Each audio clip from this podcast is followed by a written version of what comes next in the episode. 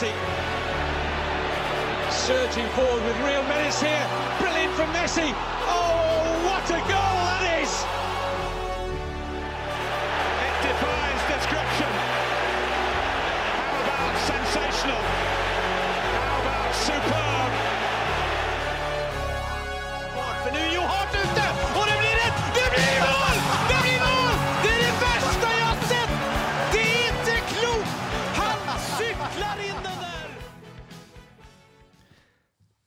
Hei, hei, og velkommen til episode 192 av den bedårende fotballpodkasten 90 minutter. Mitt navn er Thomas Edvardsen, og med meg i studio har jeg som vanlig mannen som omtrent sovnet under sist sending og forsvant ut herfra i et tempo Venitius junior ville vært misunnelig over, Mats Granvold. Hei. Hei, hei, og ikke minst Tyskland Tysklands svar på Greta Thunberg, selv om han selv vil omtales som den nye Angela Merkel, mister Mister Søren Dupkey. Hallo, hallo. Halla, halla. Eh, Som jeg er litt inne på, det gikk litt dårlig i forrige episode, Mats. Ja, jeg prøvde så godt jeg kunne. Jeg husker ikke så mye av det, så jeg Det er faktisk sporty å, å prøve. Ja, jeg var, jeg var ganske det var, det var hardt. Du sovna nesten. Ja, ja, nei, det var eh, Jeg traff kjelleren her, altså. Reit fysisk. Jeg skal i hvert fall klare meg til over La Liga. Ja, 16 minutter tok det, så var det over. Jeg tenkte det er bare tull at jeg, jeg kommer bare til å sitte og bable likevel. Men frisk nå, da. Ja, mye bedre. Det er godt å høre. Det er godt å høre. Jeg, jeg, jeg, vi var jo på Old Boys-trening i går, jeg og deg, eh, Mats. Eh, Er du litt søl, du òg? Nei, ja, jeg er litt, da, men jeg, jeg tråkka jo over Ja. eh, helt på slutten der. Og det, den kjenner jeg ikke Altså, det er ikke ja, det var helt mot slutten der, da. Ja, sånn For 15 år siden så hadde det antakeligvis vært fint igjen i dag. Men nå, nå halter jeg. Det kan gå noen dager det nå før det er bra. Jeg har vondt i hele kroppen, jeg. Ja, det så jeg. Du hadde vondt i kroppen etter ti minutter, du. Eh, Søren Døfker, eh, den spreke unga oss. Åssen går det med deg? Nei, jeg har det fint, jeg. Mm, mm, eh, begynner å nærme oss eh, litt sånn vårstemning i Oslo. nå. Ja, det må vi Altså, jeg er så lei. Jeg våkna til I går var det vel snø igjen. Åh, jeg blir så lei. Jeg, altså, og sånn skal det nå komme snø igjen på onsdag. Og, Det skal det, ja? Ja, det blir ikke Det skal være veldig kaldt om natta. Sånn 10-12 minus, liksom. altså, jeg var jo, var jo ute på en breddekamp på lørdagsformiddagen på Enebakk. Og da kom det jo underveis tykke, tykke Ja, det kan være snø Snødråper? Nei, ikke dråper. Snøflak. Snøflak, takk. ja. Snødråper. Ja, det er fint. Nei, og det kjente jeg at åh, det hadde mye deiligere å stå der i ti grader og sol, altså. Og det er jo liksom den tida nå for ti grader og sol, syns jeg, i hvert fall. Jeg så lytter Kim Jansen sa at han kunne komme bort med en kopp kaffe hvis du var der neste gang. Ja, det hadde vært helt nydelig. Så jeg skal si fra deg neste gang. Veldig, veldig hyggelig av ham. Ja, ja, Kim er eh, en strålende fyr. Um, nei, i, I dag så, så tenkte jeg vi skulle snakke litt om eh, det norske landslaget. eh, Og så, og, så, og så vil vi ta en del spørsmål og sånt. Det kommer jo selvfølgelig noe Nagelsmann her, noe Conte selvfølgelig. og Det, det, det blir et full, eh, fullstappa program. Mm. Skal vi bare kjøre i gang? Kjør i vei. Ja, for vi begynner med dagens sendinger, med, med Norges oppgjør mot eh, Spania. Et eh, Norge uten Erling Braut Haaland. Og det figurerte en voldsom diskusjon på våre Twitter-sider i dag. Eh, Nisselue på, som skriver Haaland er selvfølgelig ikke skada og kommer til å spille fra start mot Liverpool. Her har Pep og City trukket i trådene. Veldig suspekt at Haalands lege er på landslagets lønningsliste. Greit nok at kampbelastningen har vært stor, men City har planlagt dette. Hva sier du til det, Mats Granvold? Jeg er altfor naiv til å tro på, tro på sånne ting. At, eh, hvis dette hadde vært åpningskampen i VM, så tror jeg han hadde spilt. Mm. Eh, men her tror jeg Haaland sjøl er innforstått med at vi tar ikke noen sjanser, og at han starter mot Liverpool til helga. Det gjør han helt sikkert. Mm. Mm. Men at han Hadde han vært frisk, så hadde han spilt, tror jeg. Ja, men øh, så, så, men, men Pep Tror du ikke han har påvirka litt her? Det kan jeg få tenke meg. Uh, det er jo også mitt Altså, det er jo kjipt for Norge, da. Kjipt for oss. Eh, men det er jo tross alt klubben som betaler lønnen til spillerne. Eh, og det er klubben som til slutt sitter med, med risikoen om det skulle gå galt. Uh, så jeg kan jo også se klubbens side her, altså.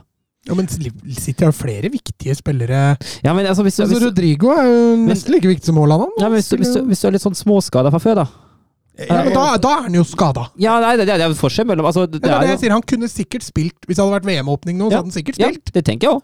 Sikkert. Men at det er tryggest og best for Ja. Haaland å ikke spille? Ja, og da løses det på den måten. Og som sagt, det, fra klubbens perspektiv er jo det fullt forståelig. Det er ikke svart eller hvitt, det er et sted midt imellom. Ja, på en det, tenk, det tenker jeg òg. Mm. Og, på- og egentlig, egentlig på alt som, som det gjelder, da. Og så sitter man altså selvfølgelig et kjempetap å miste Haaland, men da slapp vi Sørloth på høyrekant. Ja, jeg vet Det ikke- også er en liten vind for Norge. Det, det, det er fint. Jeg veit ikke om alternativet som spilte det var så mye bedre i den kampen. der, ja. ja, jeg syns Berger klarte seg mye bedre enn Sørloth hadde klart seg. Det er jeg ganske sikker på. ja. eh, hva med lagene utover eh, Haaland? Eh, Var det noen store overraskelser? Ja, på Norge? Eh, nei, altså det, jeg syns ikke det. Berge starta høyrekant. Det var vel kanskje den eh, største overraskelsen. Eh, manko på gode alternativer, vil jeg vel kanskje påstå. Ellers så er det vel eh, bemerkelsesverdig at du fortsatt ikke har stoppere, eller en keeper som spiller fotball. ja, og at Ryerson sitter på benken etter å være fast på Borussia Dortmund, det syns jeg også er en eh, liten overraskelse. Ja, men der Pedersen har gjort det kjempebra i Feyenoord, og ja, Meling venstrefota, det tror jeg hadde litt å si. Mm. På, på Spania, da. Det, det var jo en Real Madrid-duo baki der. Jeg tenker Haaland hadde elska å spilt mot i, i Carvajal og Nacho. Eh, altså, når, når jeg så dette spanske landslaget, altså elveren her, så tenkte jeg Ja, det var flott. ja, det, det, det er mulig å ta dette, altså. Ja, her kunne vi klådd hvis vi hadde vært eh, vært eh, mer kyniske, kliniske, kall det hva du vil. Eh, et, et spansk landslag som Det er, er lenge siden det har sett så grått ut. Altså. Det har vært noen eh, elvere i både siste VM og, og litt i forkant også som har vært grå, men dette var, dette var grått, altså. Eh, så Norge hadde tidenes mulighet. Et Spania som ikke har tapt hjemme i EM-kvaliken siden 2003. Så for all del, vi skal ikke glemme at det er eh, klassespillere som spiller i store lag i store ligaer, men uh, her hadde vi en mulighet. Mm. Mm. Uh, og, og, kampen begynner vel egentlig, i hvert fall som jeg forventa meg, med mye, mye ballinnehav til, til Spania, og et Norge som lå, lå dypt. Litt Ja. for dypt, eller? Litt for dypt. Jeg, sy jeg syns det. Uh, jeg syns presset kommer for seint. Jeg syns man tillater Spania å bruke ballen altfor mye og tilrettelegge det. Uh, de setter opp sine løp og posisjonsbytter ute på kantene, uh, særlig på venstre, men til tider også på høyre. Og at, jeg syns det blir litt passivt. Og så klarer man jo heller ikke å holde på ballen sjøl. for så, med en gang man har ballen, så slår man langt i lengderetning, og så tar det én eller to stasjoner maks, og så er han borte. Mm. Altså, jeg tror også Spania, når de får målet, så roer de litt ned. De gikk hardt ut for å få det tidlige målet. Eh, Norge responderer jo veldig bra på det når Spania overlater litt initiativ der. Eh, tar over kampen. Eh, kontrollerer ballen i mye større grad. Og der Norge først og fremst er gode, det er at de dreper alle initiativ Spania tar for å ta over initiativet igjen med, med possession. Gode gjenvinninger høyt i banen. Eh, flinke til å avpasse presset, eh, og som Søren er innpå. Eh, etter hvert så begynner vi også å treffe på førstepasning etter eh, ballerobring, og det bidrar jo sterkt til at vi kan flytte spillet høyere. Ja, for Olmo han gir eh, Spania en tidlig 1-0-ledelse. Rett etterpå så skulle vel Norge hatt straffespark. Eh, André Schjelderup eh, skriver i hvert fall til oss hvorfor i all verden griper ikke VAR inn her. Nei, det kan man jo lure på. Jeg mener at det var straffespark. eh, Men vi har jo sett i flere situasjoner at når det skjer etter avslutning, så ligger terskelen for å gripe inn vesentlig høyere. Det er vel Ederson i en situasjon som har fått straffe imot seg i Ja, Premier den på Ben White, ja. ja. mm. Eh, men utover det er den terskelen veldig, veldig høy. Uh, jeg skjønner ikke det. Jeg skjønner jo på en måte at uh, hvis du har en større sjanse å få avslutta, uh, type på åpen mål eller noe sånt, at det ikke blir straffespark i etterkant. Men det der, altså den blir jo blokkert. Og taklingen blir på en måte en ny situasjon som oppstår etter avslutningen. Og det er jo kring på spill og ikke på ball, og det mener jeg er soloklart straffespark. Så tenker jeg at Ødegård muligens hadde hatt mulighet til å rekke den returen som Mm. kom. Og, og da blir jo straffesparket enda klarere. Eh, veldig- Ja, ja, er, det, er jo, det er jo klink. Det er egentlig ikke noe å diskutere. Eh, Selv om han får avslutta der, så, så, så er han helt klart hva skal vi kalle det, hemma da, når han avslutter. Han blir, eh, blir redusert i avslutninga fordi Rodrigo kommer der. da, Så lenge Rodrigo ikke er i nærheten av ball der og bare meier den jo ned, så Mm. syns det er klink straffe. Så, så, så er det en timinuttersperiode der det ikke skjer så mye. Norge er mye mer inn i det. Og så plutselig så syns jeg sånn fra 25-30 minutter, da syns jeg Norge er gode. Da får man satt opp Aursnes, da får man satt opp Ødegård i riktige situasjoner, og jeg syns Patrick Berg styrer midtbanen strålende. Er veldig god på andre ballene. Eh, men, men Aursnes spesielt eh, Nå har jo vi fulgt den med litt i Benfica, så det var ikke så overraskende å se, men den utviklingen han har hatt på bare drøyt halvannet år, den har vært enorm, altså. For en stor sjanse der på bakerste. Mm. Ja, Nydelig redda av keeper. Eh, Bra gjort av Sørloth i forkant. da. Jo, men allikevel, altså, den, den sjansen blir jo stor fordi han treffer så godt Aursnes, men Mm. det er skrått vinkel, altså. Det skal litt å skåre derfra. Jeg synes generelt, altså, ikke bare, ikke bare i det vanlige spillet som midtbanespiller, men også bevegelsene til Aursnes i den kampen det er helt nydelig. Han finner jo rom overalt. Han støter i de riktige rommene. Han går når han skal gå. og ja, Fryktelig sterk, i hvert fall første omgang av ham. Ja, ja. Ja, så har vi fått, får, får vi en trussel til. Mm. Det var ikke bare Ødegård, liksom. Nå, nå, har de, nå har de noe å ta hensyn til på andre sida. Mm. Og jeg, den siste kvarteret her i hvert fall imponerer Norge meg stort, Mm. altså, på hvordan man klarer å løfte opp spill og presse fram feil til, til, til Spania. Du ser Nacho og Carvahall, de slår jo bort ballene i blinde omtrent. Og, og, og jeg, jeg tror faktisk Spania følte seg ganske pressa der en periode. Mm. Og det, det er ikke ofte Spania gjør eh, hjemme i en sånn kvalikkamp, altså. Nei da. Eh, som du påpeker, det siste kvarteret før pause er, er meget imponerende. Det var jo også den Var det Birger Meling som fikk den sjansen hvor, eh, hvor Nacho sender ballen mot, mot mål der, og, og Kepa som får så Mm. vidt mm. avverga, så Nei, eh, det er strålende eh, på mange mulige måter her, og Sørloth har vel igjen nesten, og det Nei, det er det er veldig oppløftende, og da, da tenker jo jeg inn til pause her at her har vi jo kjangs, men vi må ha den der lille ekstra presisjonen på siste Mm. tredel. Mm. Ja. Eh, tenker dere at eh, liksom hva, hva tenkte dere underveis i Nei, jeg tenkte pausen? Jeg følte jo at det var en del sjanser. Uh, det så, jeg syns det så bra ut. Uh, så tenkte jeg også at det var altså en del nesten, altså. Uh, du er inne på de situasjonene. eh, og at, at man, altså, Jeg synes også det blir tydelig i andre omgang at det er en del situasjoner som potensielt er lovende, med at den siste pasninga inn ikke sitter. Mm. Ja, mangler litt flyt. Eh, Det er det eneste som står igjen etter den første omgangen. Eh, eh, Mulig kampinngangen blei litt for passiv. Eh, Det er noe som helt klart bør, bør ses på, for vi blei spilt for lave. eh, Og blei trykka inn i egen boks flere ganger der før skåringa kom. Men, men helt enig med dere. De siste minuttene der lova veldig godt for andre omgang.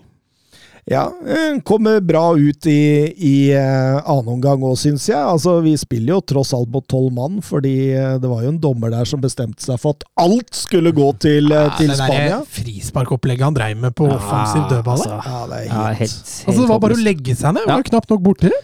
Ja. Så Carvahall drev og Ja. stupte i bakken. Ja, ja, ja, ja, altså. Laporte hadde en, da. Ja. Ja, Kim Jansen han ønsker at vi skal slakte dommeren.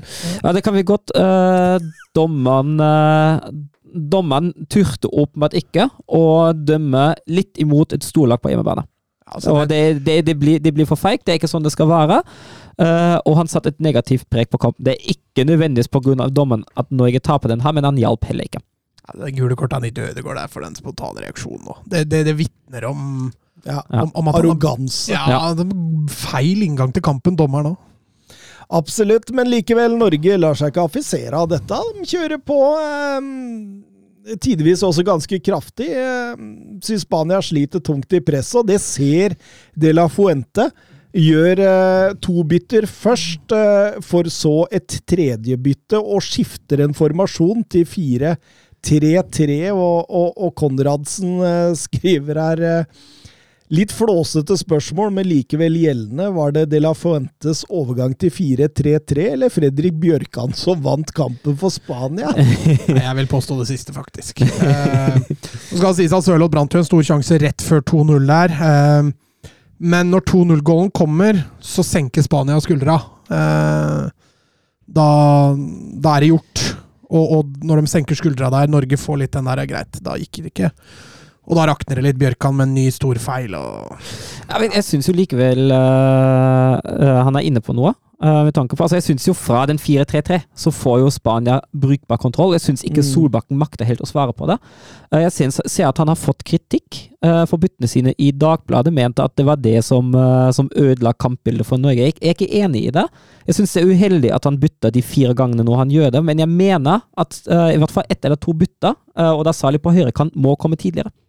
Jeg syns han reagerer for seint på den 4-3-3-omstillingen. Ja, I hvert fall når du ser etter at han bytter om og gjør om der, eh, De La Fuente, at, eh, at han kunne respondert mye kjappere. Ja. Fordi kampen jevner seg ut når Mm. de byttene kommer. Ja, og Norge blir egentlig altså, Ja, Sørloth har en stor sjanse, men Norge blir egentlig fratatt de offensive truslene. Mm. Ja, helt klart. Jeg syns, eh, syns eh, det var et genialt trekk av De La Fuente der. Han ser det, og, og um Ja, men jeg- Det er jeg helt enig med Søren når han ser Gavi går av der, for jeg tror Berge på høyrekant var liksom litt av grunnen til at på grunn av Gavi og Balde da, skulle ta Mm. den trusselen. Når han ser Gavi går av, ja vel, hvorfor ikke gjøre om sjøl, da? Mm. Mm. Eh, som du er inne på, Mats. Eh, Fredrik Bjørkan ikke et heldig innhopp der. Eh, Altså, Jeg tror ikke vi hadde vunnet denne kampen, selv om Bjørkan ikke hadde tabba seg ut. Jeg tror det gikk mot tap uansett, men eh, 2-0 og 3-0 der ble jo en veldig spiker i kista. da. Ja, altså Litt sånn kjipt at, etter at man egentlig føler at man har gjort en uh, veldig akseptabel bortekamp, og avslutten på den nota der. Enig. ja, altså, altså Grovt sett så kan man jo si at Norge var best i, i, i uh, 70 minutter, og, og Spania i 20. Men det er vel dette som skiller, da. De beste fra de nest beste. Altså hvor, hvor gode man er i boks, rett og slett. altså, altså syns jeg jo de siste 20 er jo Spania all right kontroll. Jeg syns jo det. Der, der ser det, altså Ja, det som sagt den ene sjansen litt sånn utenom det, men utenom det har jo Spania ganske Ser jo det kontrollert og trygt ut, det de driver med, da. Men hva var oddsen for at det var Joselu som skulle sette to kasser der? Nå har jo Spania tatt ut et par sånne gamlinger. da, Aspas var jo med der. så dem, eh, Det sier litt om Spanias tropp nå. altså Hvor, hvor langt ned de må grave for å finne spillere. Eh, Ja, Hvis du ser på Italia, så er de gravd helt i Argentina. Altså. Ja, Det er bare en eh, spiss som dukka opp helt av det blå, ja. Stemmer det. Men eh, 3-0-tap. Eh, hederlig, eh, riktignok. Eh, banens beste. Vi må jo ha våre tre og to og én Er det hovedkampstyring? Jeg tenker det. Eh, Nei, altså Aursnes eh, Jeg kan gi den egentlig til Norges midtbane. Jeg syns de, eh, de kontrollerer kampen i ja, la oss si 60 minutter. da. Mm. Berg spiller store deler strålende. Ødegaard eh, mangla kanskje den siste lille offensive, men eh, snytt for straffe. Og Aursnes, eh, fantastisk. Jeg kan være med på Aursnes og Bjerk, men jeg gir en til Kepa istedenfor Ødegaard. Mm. Syns Balde også var bra. Men, Men, eh, men han, han, han får litt trekk. Eh, Det skjer litt mye på hans venstre side eh, defensivt. Litt patriotisk i alle tre til laget som taper tre.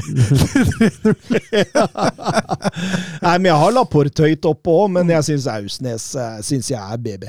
Jeg Mm. syns han er strålende, og spesielt første omgang, men han er også bra i andre. Altså, bra Så- kapasitet. Løper mye. Helt klart, helt klart.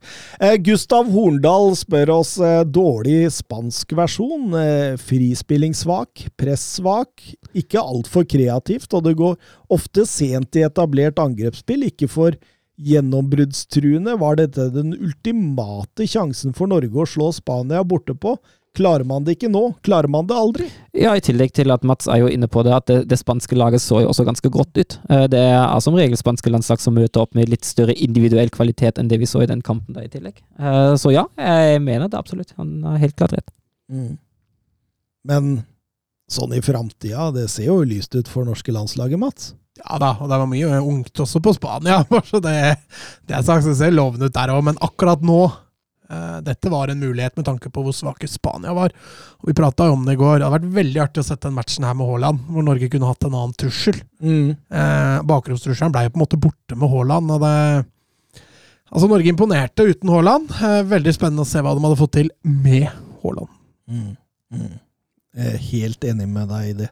Um, Eivind Stølen han kommer med et voldsomt langt spørsmål her, men i bunn og grunn så faller det ned på å gi noen årsaker til at Norge endelig skal klare å kvalifisere seg til et mesterskap. Har du noen årsaker til det? Kom igjen! Ja, det har jeg. Altså, kynismen, da. Eh, Ola Solbakken er vel innpå det. Har lært av Mourinho på den korte tida han har vært der. Eh, kynismen må, må kanskje skrus til et, eh, et knepp. Eh, og så må vi eh, ha den kulturen med at de Altså, vi må, vi må bli gode først og fremst på hjemmebane. Vi, kan ikke, vi har ikke råd til 2-2 mot uh, Kypros eller Skottland. Eh, vi må ta og vinne alle kamper hjemme. Eneste kampen vi kan sluntre litt, er Spania. Eh, men dette er en gruppe hvor vi, vi har en kjempemulighet. Kynisme. Eh, fortsett med positiv glød. Og så Nei, altså, to plasser. Jeg går ikke to direkte? Jeg tror det. Ja, det skal ikke være mulig. Vi Nei, skal det- ha både det er playoff, tror jeg. jeg. tror Her det er andreplassen er playoff. Men det, det, det, det som kommer i tillegg for meg, da, er jo, altså det er jo den høye høye individuelle kvaliteten som vi har i Norge, tross alt. Ja, det er fortsatt noen posisjoner som er utsatt, uh, men sett under ett av dette har vel et av de sterkeste norske landslagene uh, på 2000-tallet, kanskje det. Uh, I tillegg eh, er det nå 24 lag som skal til EM i Tyskland. Det er ikke lenger 16, det er Ja. 24. Det er åtte ekstraplasser. Og jeg har sagt det før, eh, og jeg sier det igjen. Hvis ikke dette norske landslaget makta å være blant Europas 24 beste lag og dra til EM, så er det bare å legge ned. For da, altså, da er prosjektet Jo, men hvis det er playoff på nummer to, da, så kan du Altså, Frankrike-Nederland er i samme gruppe. England-Italia er i samme Kan gruppe. være uheldig. Du kan jo være kan- maks uheldig, da. det er det greit hvis du er uheldig, da, men jeg mener jo at hvis, hvis Norge får andreplassen her, og ikke møter et av de store på andreplass, så må det klink bli EM. Ja, ja, det er jo Og selvfølgelig jeg, og jeg mener jo altså alt annet enn andreplass i den gruppa. Men vi har møtt de tidligere playoffa. Det har jo vært Spania og, og Italia og Ja, og, og Ungarn. Ja, men da spilte vi uten spiss. Det er helt riktig. Per Misias der som briljerte taktisk. Markus Henriksen i falsk ni- nier, Ja. var ikke det? Trengte mål borte i Budapest, men eh, nekta å bruke spisser. Å, det er deilig. Um, Bjørn Erik Skorge ødelegger kunstgressutviklingen av gode norske stoppere, refererer til det Solbakken har snakka om. Ja, jeg syns jo han har et poeng. Uh, at uh, Solbakken var jo det, det han sa, var vel at med tanke på kunstgress er ikke de duellsituasjoner uh, gitt i like stor grad som på ordinær gress. Spillet blir jo litt mer, hva skal man si, uh, reint. Og jeg syns jo han er absolutt inne på noe. Og det er jo en uh, podkast om uh, LSK, har mottak, og de er jo veldig tydelige på at når spillere observeres i Eliteserien, så observeres de på gress. Det er derfor det vi har så mange speidere på Åråsen. Mm. Mm. At de prioriterer det. Ja. ja. Men, men, men samtidig, Mats. Altså denne kunstgressgenerasjonen og altså det, det har jo gitt oss mye bra Ja, ja, ja. fotballspillere òg. Ja, ja. Og hadde ikke Norge hatt kunstgress og haller, så hadde vi jo ikke spilt fotball om vinteren, annet enn på steinharde grusbaner, sånn som vi drev med når vi, når vi var lovende. Eh, sånn at det har gitt oss også veldig mye. Eh, vi skal ikke glemme det, men ja, Jeg syns det er vanskelig å ta en Jeg syns han er litt brå i den beslutninga, liksom. Eh, ja, på grunn av kunstgress så får vi ikke stoppe det, men Altså, jeg syns den er veldig lett, da. Og jeg er jo ikke enig, nødvendigvis enig i at det er den eneste årsaken. Jeg mener jo at det er en medvirkende årsak. Altså, Vi må jo aldri glemme vi har, hvor mange innbyggere har vi? Fem millioner. Uh, vi er altså litt prisgitt at det faktisk kommer noen talenter opp, altså. Uh, så er det veldig vondt å takle på kunstgress. Jeg tror det ligger litt der. Altså. Får så vonde skrubbsår. Nei, vi får litt mer sånne parkettfotballspillere, da. vi gjør det. Eh, Det er deilig det, da. Ja, ja. Da kan vi tape 3-0 borte mot Spania etter å ha dominert, istedenfor å bare bli pissa på hele veien. liksom. Eh, nydelig, nydelig, nydelig. Eh, I morgen er det bortekamp eh, mot Georgia. Eh, hvordan, hvordan ser dere den? Nei, jeg mener jo at eh, det må jo bli seier. Uh, jeg tenker at uh, det norske landslaget skal være såpass mye bedre enn Georgia, også uten Erling Braut Haaland, eh, at alt annet enn tre poeng har egentlig ikke godkjent deg. Eh, og jeg håper ikke man, hvis det skulle gå skeis, at man bruker den unnskyldningen at Haaland ikke har spilt.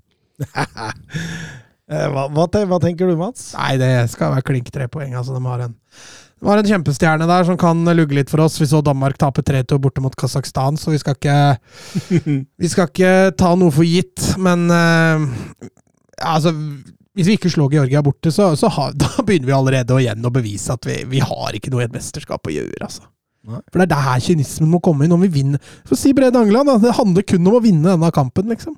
Det handler om å vinne kampen. Ja, det, det pleier å gjøre det i fotball. Ja, Skal vi heller briljere borte mot Spania, så tar vi en kynisk 1-0-seier borte mot Georgia. Det er helt greit, det. Ja. Eh, Finn Jørgen Halvorsen spør om er det andre enn Kvarasjkela Norge bør se opp for i morgen. Mamadashvili. Keeperen? Keeper til Valencia. Nei, de har jo en spennende generasjon, da. Eh, altså spennende, spennende er vel kanskje å ta i. Eh, Man har fått et lite løft de siste åra. Ja, de har det. De har ingen tvil om det. Eh, Georgia spiller jo ofte en sånn 3-4-2-1-formasjon, hvor eh, Kvarasjkela er mye mer sentral i banen enn det vi kjenner den eh, igjen fra i Napoli. Det ledes jo av, av den franske Beck-legenden Willy Sagnol. Eh, så, så, så, så blir det nok ikke noe walk in the park, selv om vi er favoritter der. Eh, Ja, spillere foruten Kvarasjkela er, det i hvert fall offensivt. eh, Det det er et par der som kan være spennende, men, men det er tynn suppe. Så, så sånn i utgangspunktet skal vi vinne der, men de har en Davitashvili, en, en, en ung spiller som til daglig spiller i Bordeaux, eh, som er litt sånn ja, det, det, det, det er mye fiksfakseri og, og, og sånt, men det er ikke så mye tellende. Så basically Kvaratskhelia uten målpoeng. Ja, det er litt sånn, og, selv om du kan trekke noen enkelte paralleller der, så, så, så, så, så er det et stort kvalitetsforskjell mellom de to.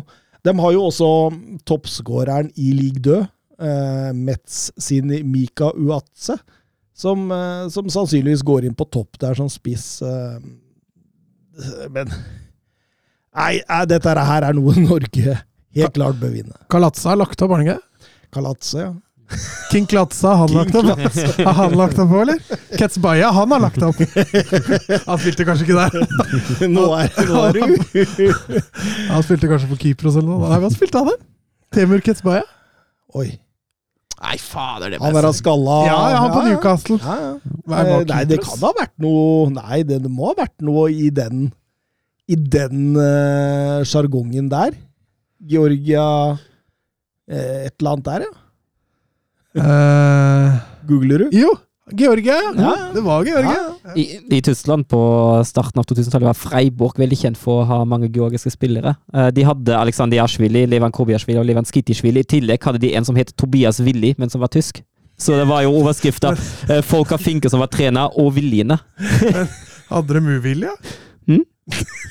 Uvillig. Nei, det hadde de ikke. Han ville ikke spille, han. Nei, han var, han var frivillig. Du hadde uvillig og frivillig på topp. um, nei, tre poeng er den eneste, eneste utveien her. Fredrik Stjerna han eh, går litt eh, videre her. Ronaldo synes det var digg med fresh air i den portugisiske troppen. Eh, Bruno Fernandes skjørte lite av det. Og, og Gonzalo Ramos var irritert for å bli benket. Hvordan kan dette Martinez-prosjektet gå? Nei, jeg har ikke noe stort håp på at det prosjektet går i det hele bra i det hele tatt. Eh, Jeg mener jo at Martinez er en av grunnene til at Belgia mer eller mindre har sløst bort sin gylne generasjon. Uh, og jeg er veldig forundret at han har fått en jobb i Portugal. Uh, jeg syns ikke han har vist noe som helst som tilsier at uh, han skal trene et stort landslag. Eh, så jeg tenker egentlig at det går rett i dass, jeg. 10-0 på to kamper nå, Søren. Ja, mot eh, Hva var det, Luxembourg og hva var det andre? Liechtenstein. Nei, ikke sant. Ikke sant.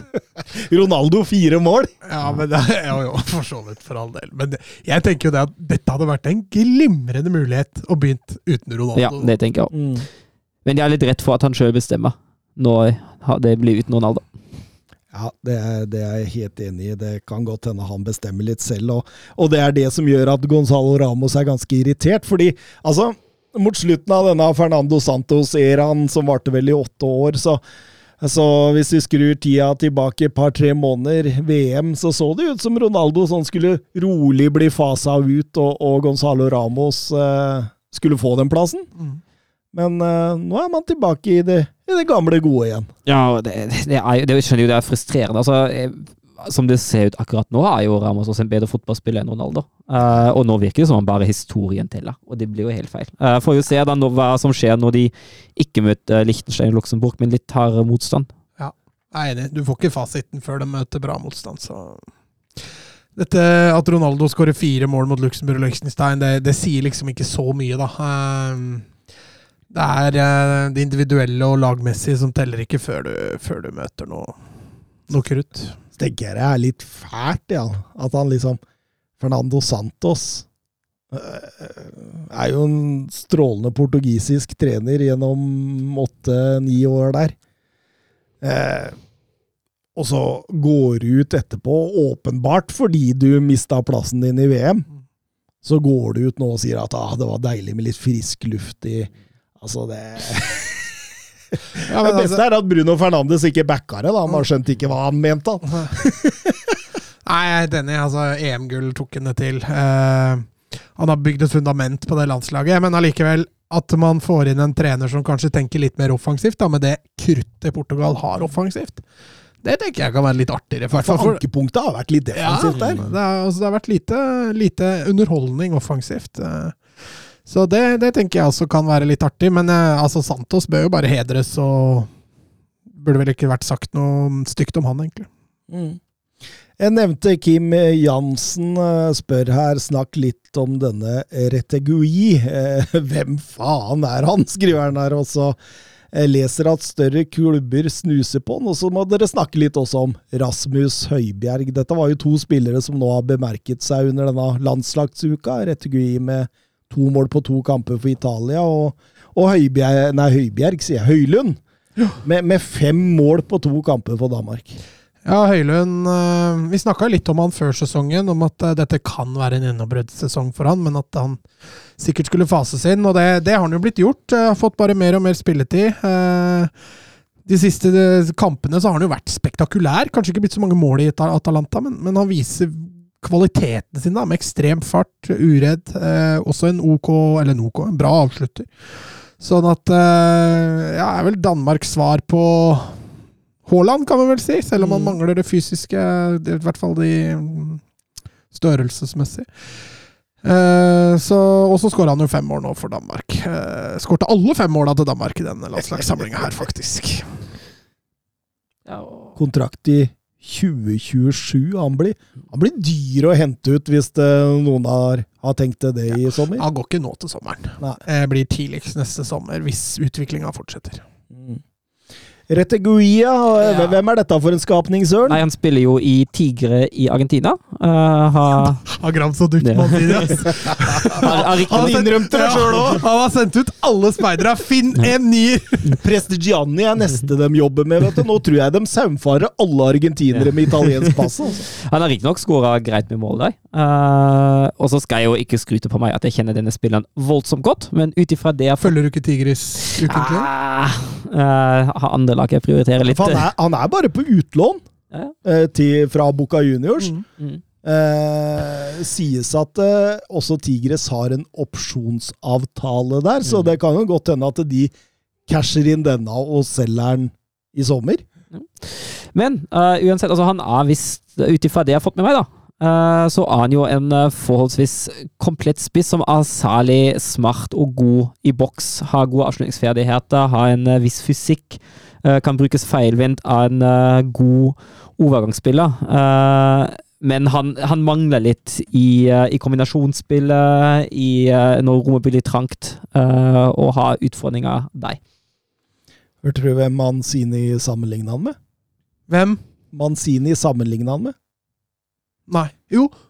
Nei. Battigol. Ja, det, ja! Når du sier det! Mm. Herregud. Skal visstnok være Inter som har begynt å speide på ham, da. Ja, det er, det er flere. Mm. Eh, Milan har vært ute der. Roma, Atletico Madrid. Det meldes også om Manchester United og, og Crystal Palace, av, eh, av alle ting. Så. så det er åpenbart at eh, dette er sommeren han går, tenker jeg. At, eh, at Tigres kommer til å, å, å kjøpe den ut gjennom denne opsjonsavtalen, og at, at de selger den for fire, fem, seks, sju, åtte ganger prisen. Det blir en god butikk for dem, da. Det gjør jo det, ikke sant? Men, men jeg så jo litt på tallene hans, og, og jeg, jeg så det at eh, når de lånte den ut, så var han jo egentlig en nobody. Så det er jo Tigres som på en måte har fått han til den han er i dag. Så, så sannsynligvis da også så er jo opsjonskjøpesummen ganske lav. Ja, det er nok dem. Så det, dette tror jeg er en Det blir vinn. jæklig god butikk. Mm. Det er god butikk, tror jeg. Og så Jeg så den mot England. Har sett litt av den før. Jeg, jeg er ikke overbevist. Jeg er ikke sikker på om dette er sånn topp topp europeisk klasse, hvis du skjønner hva jeg mener. Nei, Han men- ble veldig usynlig mot England nå. Men Christer Pellas har jo fått en klubb der han uh, kan finne seg til rette. Ja ja, for all del. For all del. Og ja, kan sikkert gjøre en god jobb i Roma og, og Inter og Milano, for alt jeg veit. Det, det er mulig. Um, vi må videre i programmet. Vi er liksom ferdig med landslagsfotballen nå. Skal vi over til mer sånne spørsmål retta av klubbfotballen, og det har jo skjedd, skjedd mye der. Em, vi begynner med Oscar Pepito eh, sitt spørsmål. Han sier Stellini og Mason tar over i Spurs inntil videre. Conte sparka, kald avskjed. Levi maner til at alle står sammen nå. Blir ikke Conte gjort til syndebukk her? Han kalte spillere egoistisk, men står vel kanskje igjen som den mest egoistiske av dem alle? Ja, altså, problemet er jo den Altså, den der eh, Vi har jo vært inne på det i forrige episode, Thomas. Den der siste pressekonferansen. Eh, nå er bare all skyldkritikk er fullstendig fraværende, og man må ikke glemme at det er jo han som er hovedansvarlig for, for prestasjonen. Det er han som er hovedansvarlig for laget. Kan kalle det St. Mary's Gate. ja. Og å og og- og kaste spillerne under bussen på den måten der. Det, Ja. er, det er jo ikke innafor. I hvert fall ikke Og, og. Levi og hele klubben og 20 Ja. år og alt røyk der, Mats. Mm. Ja. Ja, nei, han står jo igjen som en buffoon. Uh, han har selvfølgelig rett i mye av det han sier, da. Det skal jo nevnes, det også. Men eh, ja, det var vel du som påpekte det, at han sier dem og ikke vi. Og det er klart, da, da hever han seg sjøl over alle andre, og det, det, Ja. det ser jo ikke bra ut utenfra. Ja, og så er det jo alltid spørs hvordan man tar det opp. Altså Hvis han tar det opp internt, uh, så er det jo kanskje nødvendig og riktig kritikk. Uh, men åh, man må ta det i offentligheten. Det er jo liksom det som er spørsmålet. Nei, man må jo ikke det. Det er jo, det er jo der problemet ligger. Jeg, jeg, altså, nå har man jo kjent Conti i ganske mange år som manager, og ordet som står igjen for meg, da, blir ansvarsfraskrivelse. Det, det virker nærmest som han er, han er livredd for å ja, Hvordan skal jeg ordlegge meg? Livredd for å, for å få søkelyset på sin egen person for svake resultater. Hvis du skjønner Mm. hva jeg mener? At det, at, at, og, og det bevises jo gjennom at han stikker av gårde og stikker fra klubbene sine med en gang det føles tungt, eller ser ut til at det kan bli en nedtur rett rundt neste hjørne.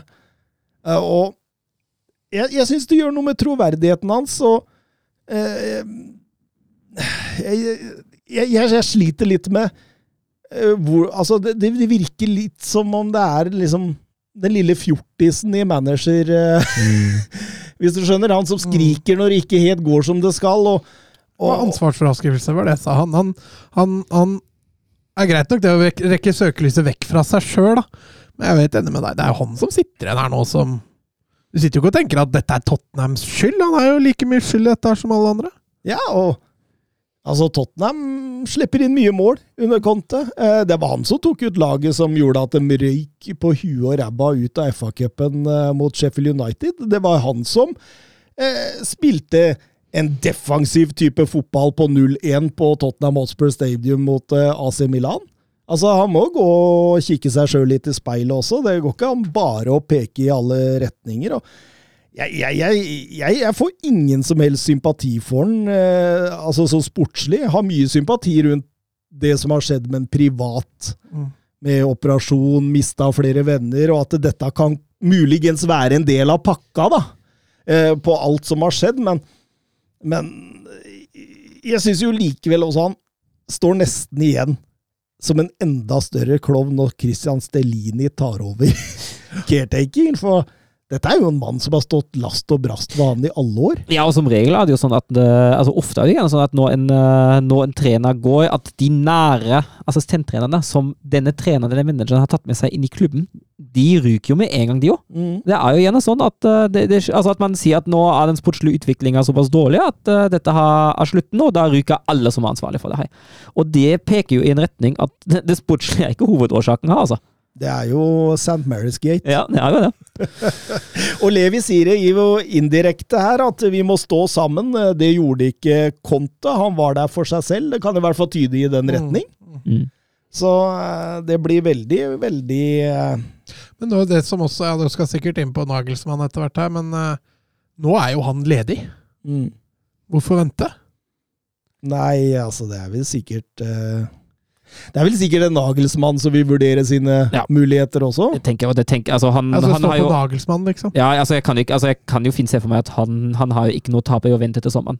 Plutselig blir eh, flere klubber ledige som uh, trenger en ny manager til sommeren, og så har han flere klubber å velge mellom, Chelsea. for eksempel. Real Madrid. For eksempel. Kan være noen store jobber, ja. Eh, Sigurd Åkre, hvem tror dere er den beste erstatteren i Tottenham etter Conte? For det nevnes jo nav mange navn. Nagelsmann mm. er jo en av de som nevnes eh, Ja, det, det blei jo ganske heit over natta. Han tok rett og slett over linken til Tuchel. Mm. Eh, Luis Enrique, Roberto Di Serbi og Maurizio Pochettino er vel, det, er, det er vel den shortlisten shortlisten som har gått igjen gang på gang. Ja, eh, og det tenker jeg de to mest spennende er jo Di Serbi og Nagelsmann. Eh, både med tanke på spillestil, uh, og med tanke på troppen som er der fra før. Uh, jeg husker ikke, Vi nevnte vel forrige episode og Thomas at uh, Pochettino som absolutt tvinger gjennom den der firebeckslinja, eh, det er vel kanskje ikke helt det som den Spurs-troppen nå trenger. Nei, og så gammel kjærlighet òg, da. Det, jeg er litt spent på hva du tenker, Mats Lundt en rike i Tottenham. Åssen Altså, han er jo Han er litt mer sånn opp til spillere-trener, da. Eh, spillere får ikke så mange knagger å jobbe ut ifra. Man har jo sett det i Premier League at det fungerer svært dårlig, for der er man veldig, veldig bevisste på hva motstandere kommer med, eh, hva man selv skal gjøre. Eh, sånne ting. Så jeg, jeg ser ikke for meg at Luis Henrique kommer til å bli en kjempesuksess. Men jeg også, ja, vi snakka vel litt om det i går angående Nagelsmann. Jeg er litt, sånn, jeg er litt lunken til Nagelsmann i Tottenham. Litt sånn Mm. dare to do-opplegg. For all del, Nagelsmann har jo ingen svakheter som manager. Uh, men ingen sånne kjempestyrker heller, da, hvis du skjønner hva jeg mener. Uh, så jeg er på De Serbi og Pochettino. Altså. Gammel, gammel moro. Gammel moro, ja. Uh, det viktigste jeg tenker, da, det er at man får en manager som vil være der. En som ser det på som en ære å trene Tottenham. En som eh, ja, at, at det ikke passa seg bare der og da, da, som du føler det litt rundt Mourinho og Conte. At det, det er et prosjekt. Vi vil bygge stein for stein. Eh, ja, At man kommer litt tilbake til der man var når man ansatte Pochettino. Eh, åpenbart at Levi etter denne tida har tenkt raske resultater. Eh, her må vi vinne noe, her må vi, istedenfor å tenke mer prosjekt. da. Men jeg tror Tottenham er en klubb som drives best under et, et langtidsprosjekt. og tenker at han må tilbake til den strategien, da, og da kan jo f.eks. Roberto Di Serbi være en genial ansettelse. Men eh, etter hva jeg hører med ryktene, så trives han veldig godt i Brighton, så jeg veit Men det gjorde vel Potter òg. Ja. Kommer en litt større klubb og banker på døra og kaster litt ekstra millioner, så kan det fort bli motiverende å Mm. trives i London òg. Mm. Vil, vil du bli overraskende, eller overrasket, heter det, hvis Nagelsmann skriver under for Tottenham? Ikke det, jeg mener egentlig at det passer ganske godt. Eh, jeg tenker jo at dette her er jo Det er jo en klubb som er ganske stor, men da han som du sier, kan bygge litt sjøl. Mm. da han har litt mindre press på seg enn han hadde i München. eh, da han kan utvikle seg som manager enda mer. Eh, og da han får den hardeste konkurransen i Premier League. Eh, og han var jo best i både Leipzig og Hoffenheim, når han kunne sparke litt nedenfra. Ja. Uh, og jeg tenker at i Tottenham kan han være i en lignende situasjon. Mm. Og jeg tror det kan bli veldig veldig bra om han, uh, om han kan overvises til et langvarig prosjekt. Ja, for i Tottenham er det jo ikke noe press. Det er ingen som forventer at Tottenham skal vinne noen ting. Nei, og, og, og det, det har jeg vært inne på før. Det var ment som en insult. Ja, men, ja, men, det, men, men så ærlig må man være at, at eh, det, og det har vi vært inne på før, at å gå til Tottenham nå som en stor manager, det er nærmest en vinn-vinn-situasjon. Mm. fordi ikke her har det vært mange som har feila før. Eh, så, så du blir bare én av mange. Men hvis du klarer det, så blir du jo ansett som eh, one Nye of the Christian best. Gross. Ja, altså, altså, er det, jo, altså det, det, er ikke, det er ikke lett å havne topp fire i Premier League, det er ikke det jeg sier. Men topp fire er jo på en måte nok, da. Ja, Tottenham eh, Ja. koser seg godt i Ja. topp fire, de. Ja. Mm. Skulle gjerne vinne i en FA-cup her og der, og, og sånt, da, men i hvert fall. Men, Thomas er fornøyd med topp men, fire. men, men, men jeg tror ikke supportera Altså, jeg tror de setter heller pris på et godt prosjekt Ja, og, og, og topp fire enn å vinne en Coca-Cola-cup i ny og ja, ne, hvis du skjønner hva du Ja, mener. ja. Audi-cupa, det kan du ta. Audi Cup, ja, men den, den de- de- dummeste jeg vinner! der, der er vi favoritter hver, hver gang vi stiller opp, Mats. Ja, det er fint. Eh, Petter Halseth.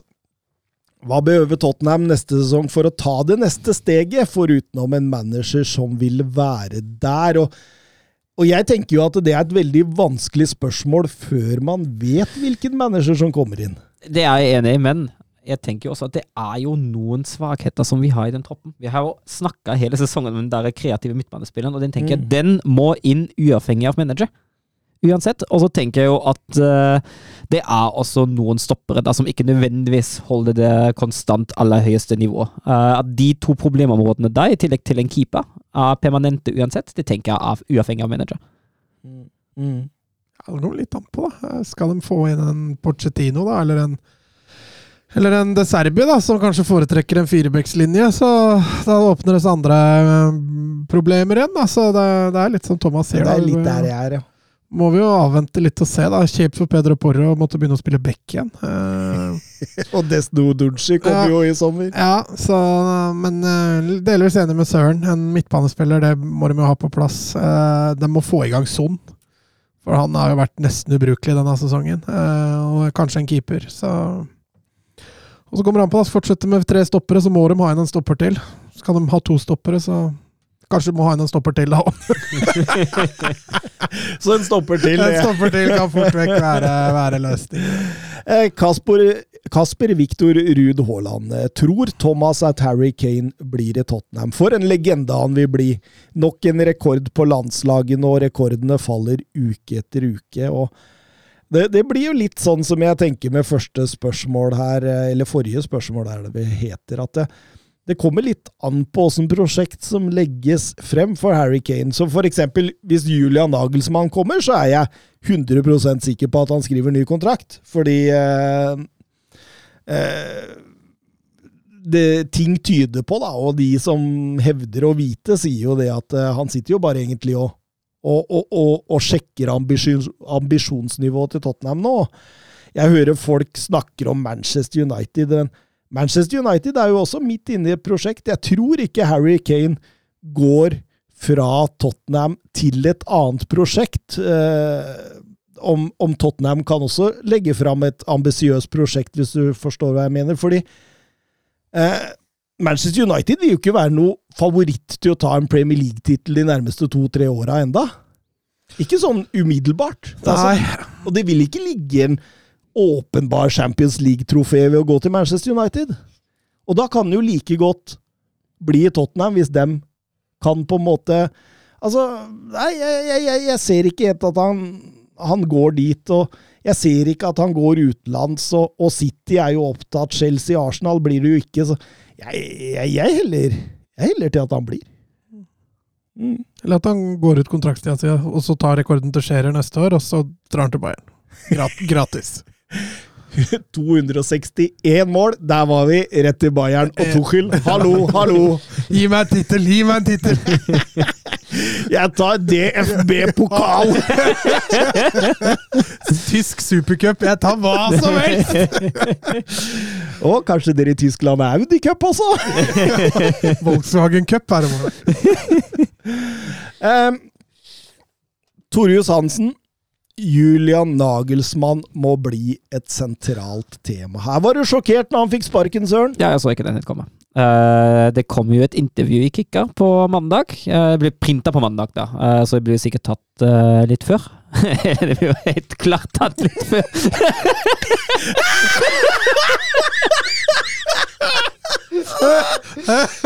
Det var en ny sånn han var på banen. Det er så bra! Nå lar du merke dere sjøl! Altså. Han hørte det sjøl mens han sa det. Det ble feil!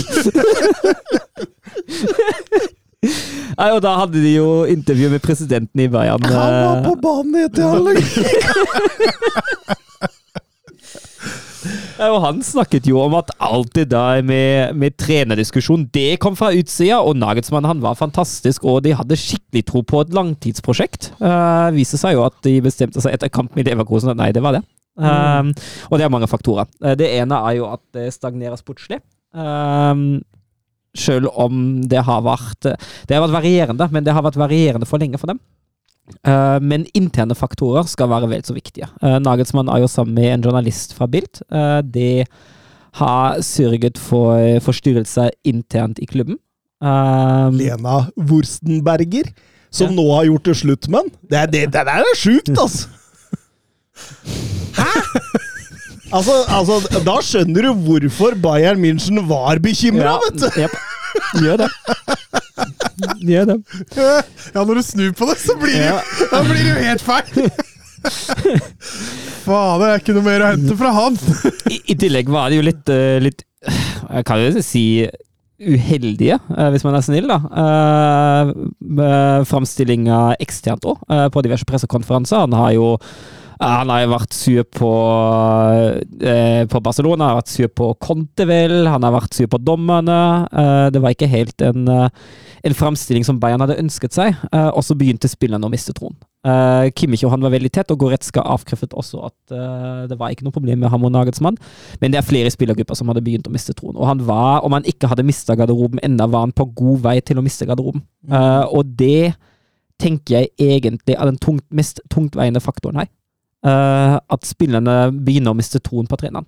Uh, da blir det problematisk. Uh, for isolert sett har ikke de sportslige resultatene vært så dårlige at de skulle tilsi at, man, at han skulle få fyken. Ja, han har tapt ti poeng til eh, Borussia Dortmund i løpet av våren nå, eh, men det er at Borussia Dortmund som har hatt maksimalt uttelling, og nesten alt har gått deres vei. De har fortsatt den direkte kampen igjen. I Champions League han, eh, har de prestert veldig veldig bra, og møter nå City i en kvartfinale. Ingen garantier verken med Torhild Nagelsmann at dette skal gå. Eh, så at, det, at det er litt mer enn den sportslige pakka som har spilt inn der, det er helt åpenbart. Og det kan kokes ned til at han ikke har, har prestert godt nok, i hvert fall som leder for spillergruppa. Uh, og som Han har ikke hatt den erfaringen og profesjonaliteten som man skulle ønske seg fra en Bayern-trener, men han er 35 år. Han, han kommer til å lære. Uh, og han kommer til å utvikle seg videre. For rent sportslig er Nagelsmann fortsatt en av de mest spennende managerne vi har i Europa, syns jeg. 37 kamper denne sesongen. Tre tap. Skåret 112 mål, Mats. Det, det høres ikke ut som Ja, sparken. det er helt ellevilt. Eh, Kom litt fra, som lyn fra klar himmel. Ja da, de har variert veldig, men de ligger ett poeng bak Dortmund, er ikke det mer? Ja. Eh, De har imponert stort i Champions League, eh, så, så sportslig så, så er det jo Det er jo nesten helt dust å få sparken. Det er bare Bayern og Real Madrid. Jeg tror det kan skje, altså. Og, og dette er en klubb som mista 50 mål i sommer. ja, det kommer jo i tillegg. At det måtte jo kompenseres, det òg. og så har han jo Han har jo faktisk klart å, å gjøre en ekstremt god målskår ut av Erik Maxim Chopo mot ting. Og det er ganske sjukt. Det, er- det er en imponerende jobb. Det er å se ikke mange andre klubber han hadde Chopo mot ting hadde skåret mål i. altså. Torkel Torkel har jo trent den to ganger før, Ja. i både Mainz og PSG. Spennende. Eh, hello, Erik. It's uh, you and me again. Eh, Så ja, nei, men altså det, det, men, men, men tror du også dette ble lettere for Bayern München nå når Tuchel var ledig? Ja, det er, jeg, mener, jeg tror at det er, det er også et element som spiller inn der. At uh, Tuchel var på vei til Spurs, uh, og det var han jo. Mm. Uh, han var jo i samtale. Han, han avlyste vel et møte med Spurs for at Bayern ringte. ja, ja. Uh, og det er klart at det var, det var nok en følelse som nå eller aldri. Uh, for i 2018 var jo Bayern nær å hente Tuchel òg. da ventet de for lenge, og Tuchel ble enig PSG. Ja. Uh, og det angrer de seg voldsomt på. Uh, for de ville gjerne ha Tuchel, og nå var, nå var muligheten da, i tillegg til at det var landslagspause, man gikk inn i landslagspausen med tap, og alt lå til rette. Jeg er nesten sikker på at Tuchel hadde blitt klar i løpet av denne uka her for Tottenham, Det, hvis ikke Ja. Nagelsmann hadde fått fyken. det, tror jeg, det tror jeg er helt enig med deg i. Men uh, blir det fembekslinje i Bayern, eller? Ja, det blir jo spennende å se. Han har jo muligheter til begge deler i Bayern. Å, det laget der Ja. passer så Ja, bra med en sånn type Men jeg tenker, jeg tenker at det blir altså Det mest naturlige er kanskje en fembackslinje. Nagelsmann har jo spilt en fembackslinje nå de siste kampene nå. Jeg syns Pavar er bedre som wingback òg, som vanlig mm. back. Og, og Alfonso Davies Alfonso. Davies Ja. er jo en fødte wingback. Ja, og så har du Cancelo, i, han Cancelo som fint kan fungere som wingback. Ja, ja, ja. Men de er litt tynt med stoppere. Ja, Pavard kan jo gå inn som stopper. Stanisic har faktisk gjort det ganske ålreit som stopper nå. Uh, Lucas Hernandez er vel ute ut ja, ut sesongen. sesongen. Da er det jo Delay blind, men han, han er jo troppfull. Han er ikke noe annet. Ja, men med tre stoppere så er han jo plutselig førstereserve, da. ja, hvis, ja, Stanisic og Pavard, da. Eh, ja, men hvis, hvem er høyre vingbekk da? Cancelo. Eller? Ja, Cancelo. Kan altså bruke Comot. I, i særlig kamper da han har venta at motstanderlaget skulle ligge lavt, har Comot plutselig dukka opp som, som en høyre kant vingbekk, så blir det litt skeiv formasjon. Så det er mange spennende taktiske muligheter der som eh, Toril får i det laget der. Ekstremt overraskende. altså Jeg måtte klype meg sjøl litt i armen jeg, når disse Ja, det skal jo sies én ting, da. At eh, Nagelsmann fikk vite om at han hadde fått fuken, eller ryktene, eh, fra mediene. Eh, og Bayern var veldig seint ute med å informere ham. Det er litt dårlig stil, det òg. Han leste det i nyhetene, ja. Ja, han, han blir ringt av Kikka, og hadde- Da merka jeg når dama slo opp. de, de, de, de,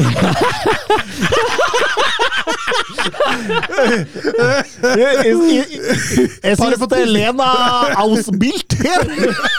Her! Full- Fullfør den på Ich tysk! kenne dich godt!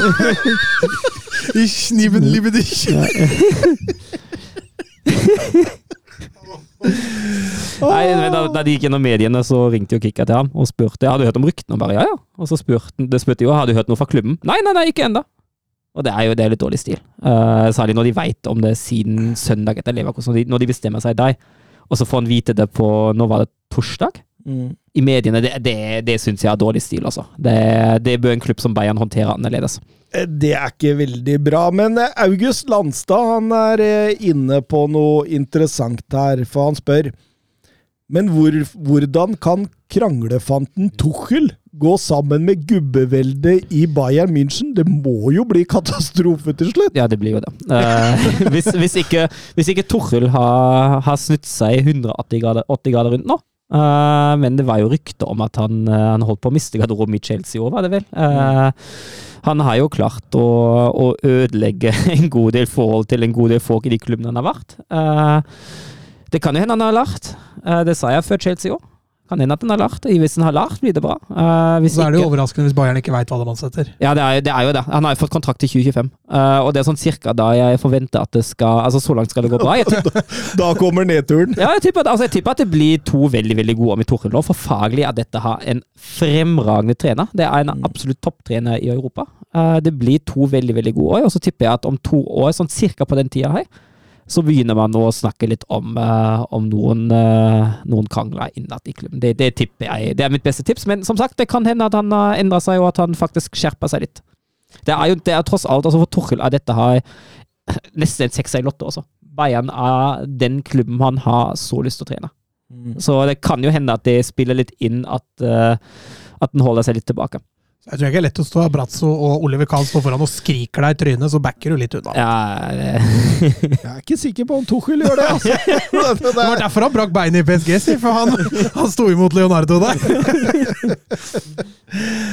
Men han har jo én jobb nå. Det er å dra i land eh, Bundesliga-tittelen. Det er å ja, i hvert fall komme til Champions League-finale, tenker jeg, men kanskje mer enn det òg. Og det er å vinne DFB pokalcup. Eh, tror han klarer alle tre?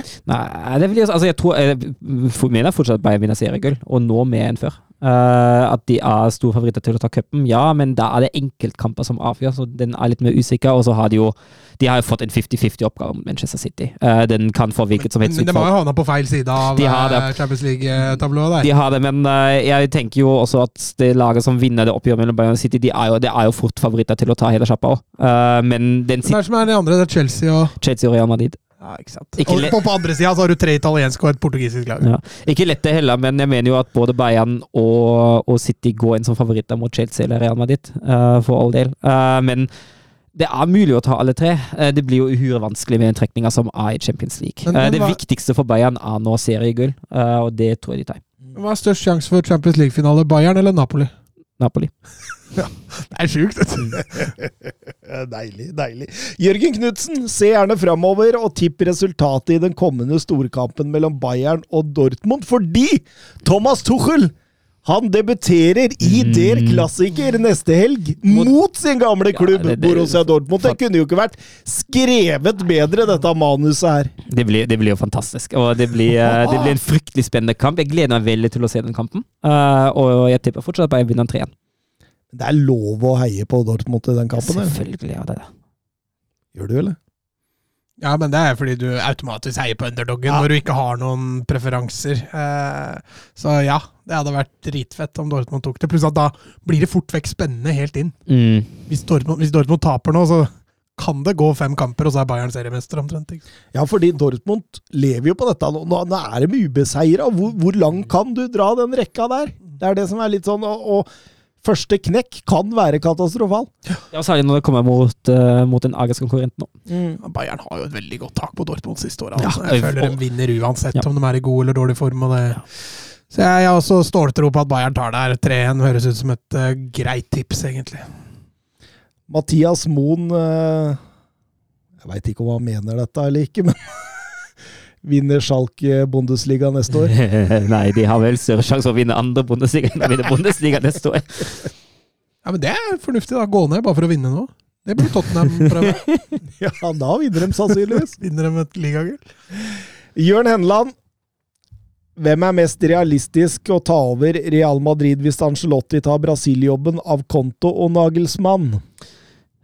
Nei, med tanke, på, med tanke på at Real Madrid er jo igjen en klubb som går for det litt mer etablerte. Eh, Jeg tenker jo egentlig Conte fort bli eh, førstevalget til Peres. Jeg, jeg klarer ikke å se noen av dem for meg i Real Madrid. Jeg, og det handler litt om typer og måten å spille fotball på. Altså, eh, det ligger så dypt ankra i sjela til Real Madrid å spille 4-3-3. da, og Contes 3-4-3 der vil jo undergrave f.eks. Venitius junior. Eh, så jeg tviler på at de går den veien.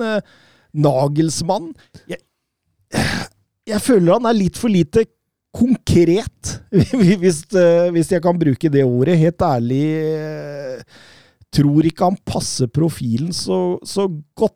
Men- Eh, begge, begge, begge trenere er store nok til å ta jobben. Eh, absolutt, men jeg har sagt det før, og jeg sier det igjen. Jeg tror Raúl bør være neste Real Madrid-trener. Men, men, men altså, jeg, kan jo, altså, jeg er jo enig i det, men samtidig altså, jeg kan jo se for meg at, han, at Vinicius kan jo ta en lignende rolle som Sol i Tottenham som en venstrekant i en 3-4-3. Det går jo an, det. Ah, Jeg liker at Vinicius tråkker linja så og drar seg innover. Jeg liker ikke utgangsposisjonen til Vinicius mer sentralt i banen. Det er et eller annet der. Men jeg bare sier, altså, den troppen har jo muligheter til kontofotball nå, til Real Madrid. Ja, jeg, er- Nei, jeg, jeg, jeg, kan ikke se det, altså. Jeg klarer ikke å se det. Klarer du? Uh, nei, altså jeg tenker jo Zidane kommer tilbake igjen og redder uh, klubben. Men, men vil ikke Raúl være helt strålende? Altså, nå, nå har Barcelona fått suksess med Savi. Bør ikke Real Madrid svare med legende? Det en det kan godt hende de velger romantisk og kjører, kjører Raoul. Uh, enig med deg, Konto Nagelsmann er begge store nok. Eh, Contes 5-3-2 5 Nei, jeg ser ikke at den passer heller. ass. Eh, Nagelsmann kunne jo passa, selvfølgelig, for han er flinkere til å tilpasse seg i forhold til kampbilde og, og, og stall, men uh, akkurat sånn ser det ut nå. Jeg tror ikke- kan fort hende ingen av dem går til Real Madrid når sommeren kommer. Skjønner du hva jeg mener når jeg sier at eh, jeg føler Conte er litt Nei, Nagelsmann er litt for lite Ja, jeg, jeg, konkret? ja, jeg skjønner hva du mener. Uh, og, og som sagt, jeg mener jo også at Peres henter jo et annet navn.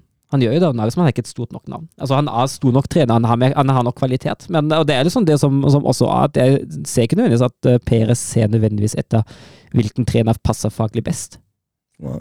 Jeg mener jo at altså, ja, All ære til Angelotti hva han har fått til med det reallaget, men jeg mener jo også at Angelotti var en ja, ansettelse heller på navn enn på Det var en plan C. Men Ja. altså, Real Madrid har jo størst suksess med de sp trenere som gir mest mulig frihet til spillere. da. Altså Ancelotti og Zidane, som var veldig sånn frihet under ansvar-trenere. Eh, og når vi da går litt lenger tilbake igjen, da, og Rafa Benitez og disse som hadde mye mer struktur på ting de, Lopetegi.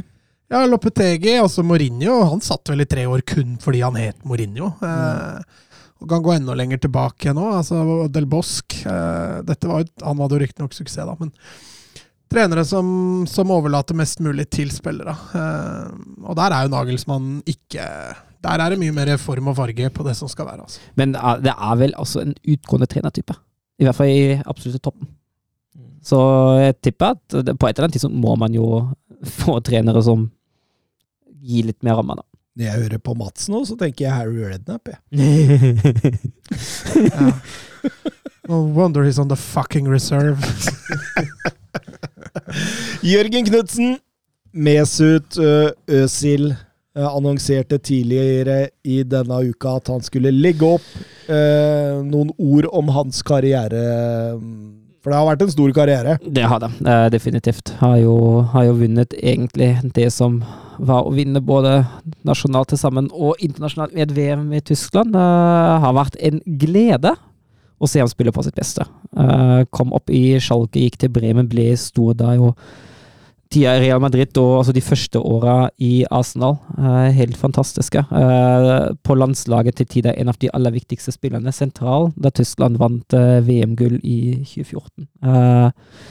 Altså rundt de åra der, 2010 til 2014, at han hadde sin beste tid. Uh, fantastisk fotballspiller på sitt beste. Uh, Dessverre, uh, mot slutten av karrieren preget av dårlig kroppsspråk, at han ikke fikk det til lenger, eh, og diverse tilknytninger til autoritære statsledere, eller særlig én, da, Erdogan. Ja. som ødela en god del av uh, ryktet og ettermælet, i hvert fall i Tyskland. Fikk eh, litt eh, problemer med ryktet sitt i Arsenal òg, når han valgte å ikke gå ned i, lønn under pandemien, Mats. Ja da, han svarte navnet sitt litt der, men uh, husker jo først og fremst Mesut Özil som den fotballspilleren han var. eh, fantastisk steg. Eh, hadde en enorm hurtighet med ball, for han hadde så lange bein. Eh, så spillet fantastisk, som veldig få andre har gjort. Eh, en gudbenåda venstrefot. Eh, og et fotballhode du sjelden ser, så Nei, en fantastisk, eh, fantastisk fotballspiller. Husker fortsatt det målet han hadde i Arsenal. Det var vel i Europa League eller Conference League eller Audi Cup eller hva det var for noe. Hvor, hvor han drar av to mann med én skuddfinte, og så venter han litt til keeperen kommer tilbake igjen før han drar av han med en skuddfinte, og så ender han opp med å chippe den over de to som ligger nede. Det var fantastisk. eh, Leken fotballspiller. Dro vel fra Real Madrid eh, da Luka Modric kom fra Tottenham. Var ikke fornøyd med at de henta Luka Modric, en direkte konkurrenten. og man kan jo forstå den, selv om historien viser at Real Madrid muligens gjorde rett ved dette. For, eh, for, for, for det kan ikke ha vært lett å kvitte seg med en etter den 12-13-sesongen i Real Madrid. Og så hadde, han, jo, han var jo i Real Madrid når Barca var på sitt beste. Um, og han bidro, vel til, bidro veldig sterkt det ene året Mourinho vant La Liga, og bidro sterkt også det året de tok Copa del Rey. Eh, men, men det er klart han havna litt i skyggen i den perioden der, og når Modric kom, så, så blei han jo de to naturlige eh, konkurrenter. og Øzil har jo også seinere vist at eh, så fort det er litt motgang, så Mm. kan han bli vrien. Ja, ja og så tenker jeg altså, Hvis du spiller i Real Madrid, da kan de ikke forvente at du får den plassen, Uh, uansett hvilken plass det er i elveren, uten konkurranse. Real Madrid har et krav om at alle plasser skal ha god dekning, og det skal være absolutte toppspillere uh, tilgjengelig. Både som, uh, som førstespiller og gjerne også som utfordrer. Uh, og da er det klart at da får man konkurranse, uansett hvor god man har prestert. Og det, det tenker jeg er en vanlig del av fotballen Mm. man får. Og som Mats sier, det viser jo litt sånn hvordan den karakteren har vært. Så han litt uheldig med timingen, ikke sant, da, som Mats er inne på her. Han, han var i Real når Barcelona var på sitt beste. Han, han kom til Arsenal og Wenger var på vei ned. Eh, Litt eh, sånn uheldig med timing, men en, en spiller som eh, Altså, det, det var en sånn type spiller du kunne lene deg tilbake, og så kunne du bare sitte og, og kose deg med, liksom. Ja. Helt, helt strålende der. La opp etter en eh, ja, Det blei mye skader der til slutt. Eh, Var først til slutt innom Fenebakke før han gikk til eh, Istanbul Bashaksir. Fikk fire kamper eller noe sånt før han la på røret. La på røret! Såpass, det var, gikk såpass fort der, ja. Eivind Stølen. Hvilke Barcelona-spillere spaserer ut portene på Spotify-kamp nå før neste sesong? Eh, ser vi fortsatt Ferran Torres, Lewandowski, Rafinha og Frenkie de Jong i klubben? Hadde vel eh, heller ikke vært overraskende om at Barcelona hadde henta Roberto Firmino? Nei, det er et godt poeng. Det er en klassisk Barca-signering, faktisk, når du tenker deg om. Eh, sikler jo veldig etter Firmino og mange av disse gamle kara. Nå ba dem også Olmo om å ikke signere ny kontrakt, for de skulle hente han gratis neste år. Og...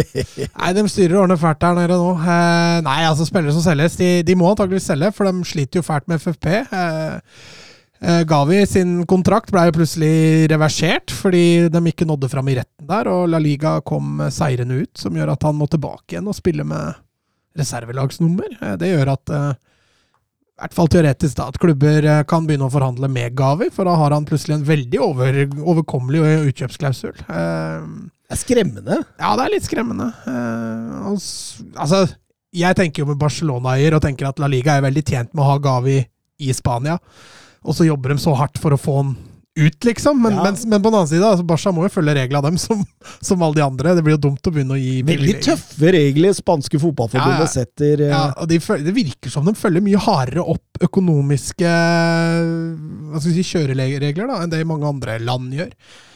Eh, at du, du skal ikke lønne mer enn du, du får inn av penger, for så vidt fornuftig. Men eh, det gjør at Barca sliter med sånne ting. Så at Barca må selge noe i sommer, det er jeg ganske overbevist om. Hvem som blir solgt, det er eh, Det har vært mye rykter. Ferran Torres, som han er innpå, veldig sterkt rykta. Rafinha har vært rykta det har roa seg veldig nå i det siste, etter at han begynte å prestere. Eh, Kessier er jo rykta hardt ut igjen. Eh, så jeg, jeg håper, hvem jeg håper forsvinner Kessier er jo den som er, er de som er lengst unna i forhold til Tiki Taka-fotball og sånn, men, men allikevel passer han inn i Xavi-systemet. Ferran Torres virker, eh, virker litt kald. Eh, Ansu Fati har jo også vært mye rykta rundt. Han har jo ikke funnet tilbake igjen. Sånn at det kan forekomme noe der, det, det er godt mulig. Eh, Lewandowski tror jeg ikke drar. Det er litt sånn prestisjekjøp, Mm. så han tror jeg ikke drar noe sted. Uh, så får vi se. Busquets er rykta, Jordi Alba er rykta. Uh, ja, det er, det er mye rykter. Frenke de Jong òg, ikke for å nevne. Man veit rett og slett ikke åssen denne sommeren Nei, bli. altså det, det er nesten bare å, bare sitte og lene seg tilbake og vente på hva som skjer. Men, men Frenke de Jong, jeg håper virkelig den beholder han. Sett hvor Mm. viktig han har vært. eh, denne sesongen vil være nesten en skandale om det er han de velger å selge og beholde Kessie. Det er jo en, et kjempetap i så fall. Uh, Busquets er jo over uh, Har jo snart lagt på røret, for å bruke ditt uh, uttrykk. Og det samme kan sies om Jordi Alba, med tanke på det Baldé presterer for tida. Så, så de to forsvinner hadde jo ikke vært kjempe, Erik. Garcia forsvinner nok. Ja, det også er en spiller som eh, ikke har fått det til. Mark Bartra nummer to. Ja, på en måte. Ja, Ja. Hvor du ser potensialet, men han får det liksom ikke ut. Ja. Så ender i Stoke. Nei, han gikk vel til Dortmund? Altså Stoke Nei, Betis. og Stoke. Var han i Stoke òg? Ja, ja. Han var der sammen med Bojan Kirkic, han, vet du. Han la opp også nå denne uka. Ja, stemmer det, stemmer det. Um, Ole Haaland, gå i dybden på hvilke nier Manchester United bør hente. Hvor viktig, hvilke type, hvor mye av budsjettet må man bruke osv. Belys oss. Og det er jo ingen tvil om hva Erik Den Hag eh, ønsker for type nier. Sånn har han jo alltid vært. Fra Utrecht Mm. henta han Haller. Mm. Eh, henta Haller også i, i Ajax. Eh, eh, Hontelar henta han tidlig i Ajax-perioden sin. Altså, han liker jo disse litt sånn større, ta litt mer plass-type, som kan binde opp litt spillere, motta ball, feilvendt, distribuere, ta plass i boks. Sånn type nier, da. Det er jo en grunn til at han venta Wout Weghorst Ja. som en reserveløsning. Det stemmer, det. Eh, samtidig krever han jo arbeidsinnsats fra spillerne sine òg. Eh, så han skal ikke ha en nier som eh, bare står der og ser på, i hvert fall i spillet mot ballen. Det er jo sikkert også en av grunnene til at en viss portugiser ikke blir helt lykkelig under Erik den her. Men eh, åssen type ser du for deg, Mats, i ManU? Nei, altså det er, eh, det er jo mange vi har vært innom. Men dette tror jeg vi snakka om litt om før òg. Altså, Vlavic er et eh, veldig godt alternativ. Har jo ikke lykkes i det hele tatt i Juventus. Juventus trenger cash, og det kan være en, eh, være en lykkelig, lykkelig løsning, det der. Vi har vært innom Oshimen. Han blir langt dyrere Men passer han profil? Ja, Kanskje ikke så god feilvendt, da, som du, som du sier der, men han er god i bakrom, god i presspillet. Uh, veldig god i boks. Så du får jo allikevel en del av, eh, del av kaka der. Hvis du liksom tenker sånne som er tilgjengelige, da. Det er litt- sånn du må tenke. Også United bør jo sikte på den øverste hylla, da. Mm. Eh, Så Ja. det er liksom ikke Om du liksom skal ned, da, hente en Jonathan David, ja, selvfølgelig. Han ville jo også vært en god signering, men den ville jo ikke hente på linja, for det var jo et for dårlig navn, ikke sant? Så man faller til slutt ned på at Harry Kane er det beste. Ja, altså det, jeg mener jo altså, hvis, hvis det er mulig å få han, det hadde vært det beste alternativet, selvfølgelig. Um, men uh, du er jo inne på det at det er ikke, det er ikke sikker på at det går. I Uh, hvert fall ikke i sommer. uh, hvis man trenger en overgangsløsning i et år fordi det blir mer eller mindre klart at det er mulig som man etter, er greit. Da kan jo en Daud f.eks. fungere, og man kan fokusere på andre deler av troppen. Men jeg tenker jo i utgangspunktet at på spissplassen det er jo Vi har snakket litt om de byggeplassene i forrige episode. Ja vel. Uh, og jeg tenker jo at spissplassen er jo kanskje den største de har, da. Mm. Uh, så det er jo det, Etter min mening bør den prioriteres ganske høyt. Det er der vi skal splæsje casha. Ja, jeg tenker det. Jeg tenker, altså, ja, spissa koster. Uh, men å, å kjøpe en halvveis løsning eh, fordi man ikke er villig til å bruke de penger som trengs eh, At man da dropper Vlavic, eksempel, eh, selv om han mener at han passer perfekt i profilen. Eh, jeg er jo helt enig med Mats at Vlavic hadde vært et veldig godt alternativ. Eh, Det tror jeg ikke United blir helt lykkelige med. Da får heller de andre ombyggingsarbeidene i troppen vente et år til, altså. Men det som blir gøy, det er, det er en del lag som trenger nier neste år. Altså Bayern, Mm. Bayern München, Chelsea, United, kanskje til og med Real Madrid. Sånn at det, det blir en del klubber om beina som skal ha disse spillerne. Altså. Ja, Det kan bli en dominoeffekt òg, vet du, Mm. som men, men Ivan Tony, ja? Vil ikke han passe Erik Den Haag-fotballen glimrende? Jo, eh, men med tanke på navn, da. Han har jo liksom ikke det største navnet. Nei, men det Nei, nei, nei, det hadde vel ikke Aller eller når han hentet han til Utrecht i Nei, sin men da var det jo et potensial der, da. Mm. Ja, altså, var altså, en, var en at unggutt. I Utrecht kan, må du hente litt andre spillere enn i Manchester United. Selvfølgelig. Men, men, Men men, jeg men sier deg, at altså. ja, Ivan Tony hadde vært et dårlig alternativ. Nei, det er han ikke. Nei, det er ikke det jeg sier i det hele tatt. Jeg sier at han har for dårlig navn. Han skulle hett uh, Martin Ødegaard, så hadde han vært stort navn. Men Ivan Tony som spiller, er helt enig. Uh, han er jo stor, sterk, god i presspillet. Eh, han har vist i Brentford at eh, han bør nødvendigvis ikke spille for det beste laget på banen. Han gjør jobben for det. Eh, god i boks. Han kunne sikkert ha sikra 20 pluss, han i United. Rasmus Høylund. Ja, kanskje litt lite fysisk, da. Tenker jeg. Ja, kanskje ikke like så god feilvendt. Nei, jeg tenker, jeg tenker at det er litt sånn der det mangler. Jeg føler at Høylund er kanskje litt mer den Rashford-typen som de allerede har. Så han tror jeg hadde blitt dyr for en ganske uprøvd uh, Uprøvd spiller. Der hadde du virkelig Det hadde vært Mudrik, liksom. Mm. Spennende. Det, det, det blir veldig spennende å se hvem de, de ender opp med der, altså. Det er ingen tvil om det. Um, nisselue på. Hvem skal fortelle Liverpool-supportere at Jude Bellingham ikke kommer til å signere for dem? Virker som det er helt overbevist om at han kommer til Liverpool, og at han er løsningen på alt. Han ville jo vært løsningen på mye, da. Han ville jo det. Han, Men, men, men, men samtidig, da. Denne FSG-situasjonen vi snakka så vidt om en forrige episode, Søren. eh, Julian Ward der som er på oppsigelse. Ny sportssjef er ikke inne i bildet enda. Det handler om usikkerhet. eh, Champions League-usikkerhet. Eh, Får de det i det hele tatt? Det handler om at de trenger såpass mange utskiftninger at å bruke 150-200 millioner euro på én spiller, det, det virker litt dårlig planlagt, da. Litt mot sin hensikt, ja, for alle, selv om den spilleren kan fylle den plassen potensielt i ti-tolv år, uh, for all del. Men, og det omvendt gjelder jo det samme. Bellingham, uh, som har spilt seg såpass i fokus nå, som har tatt de stegene som han har tatt. Han, han kan velge. Det er ikke et lag i verden som han ikke gjør bedre. Og at han skal velge prosjekt for Liverpool blir et prosjekt. Eh, Kan bli veldig bra prosjekt, men det blir et prosjekt neste sesong. Eh, Framfor en etablert storhet som f.eks. Manchester City eller Real Madrid. Det kan jeg heller ikke helt se for meg. Med mindre han har, han har en spesiell tilknytning til Liverpool. Jeg kan hende at han er Liverpool-supporter, det vet jeg ikke. Men eh, Skal sies at Nisselue på fikk svar her om at det er ikke alle Liverpool-supportere som forventer dette, Mats.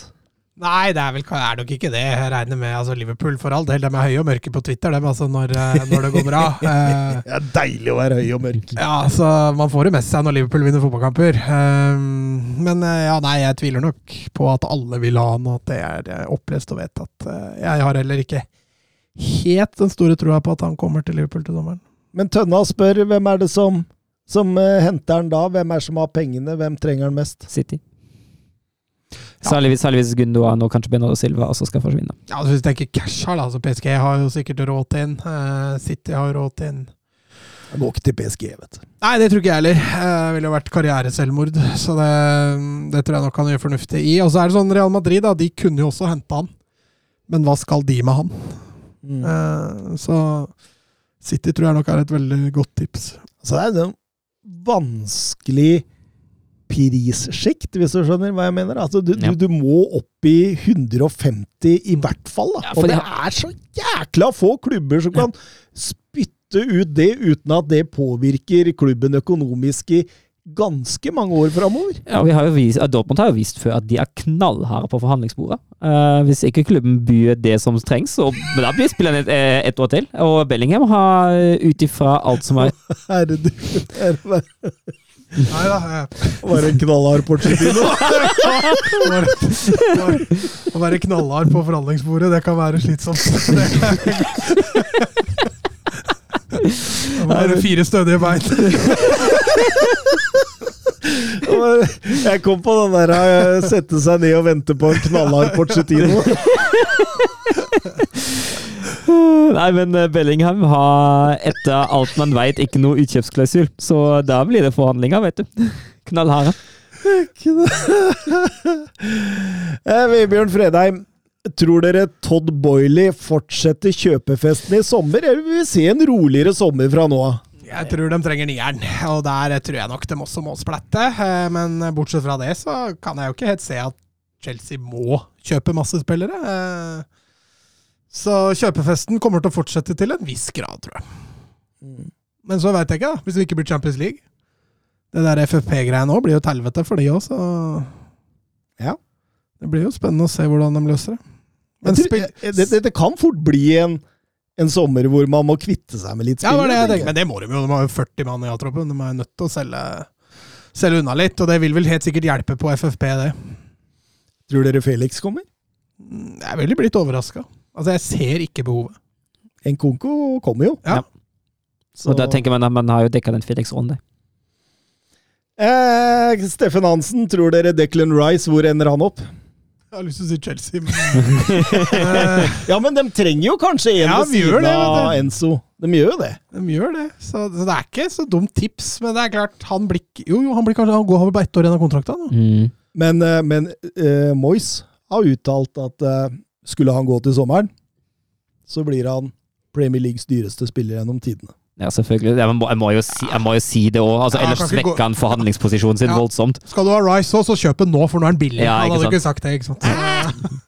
Eh, han, de må jo si det. Men at han, han blir dyr, han. Altså. Jeg Ja, han blir ikke jo på det. Selvfølgelig. landslagsspiller, de, eh, de pleier å være dyre, de. Uh, Men, men, men her er det ikke bare en engelsk landslagsspiller. Her er det en 24 år gammel Altså, han, han er Klassespiller. ja, Mm. klassespiller som Kan Som- nesten dyttes inn med Bellingham i forhold til viktigheten for rollen sin. Da. Helt klart. Du ser nå på engelske landslaget nå hvor viktig han er, og hvor mye han passer sammen med Bellingham. Mm. Kanskje en, en duo folk kan hente her. Ja, City, ja. Ja. Bytta ut han der tjukken Phillips på midten der, ja. ja, han skal vel til Leeds i sommer, har jeg hørt. ja. Og Gundogan til Barcelona, så det blir spennende sommer. Ja, og Bernardo Silva til Barcelona. De kjøper jo alt rask City har å by på, da. Firmino kommer sikkert. eh, hvis Chelsea vil chippe Aubameyang, tror du sjansen er da? Ja, han var jo der og feira, feira, feira en klassiko der med Barca. så- Kommer Aubameyang syngende på Drake inn på Spotify Arena der. Nei, gud forby. Men ja, jeg blir ikke overraska om Aubameyang trapper opp der til sommeren. Nei. Men Manchester United, det kan jo være en vei der òg? Ja, ja, men den veien blei jo litt lengre med Casemiro, da. Eh, Men ja, United trenger jo en spiller ved siden av Casemiro.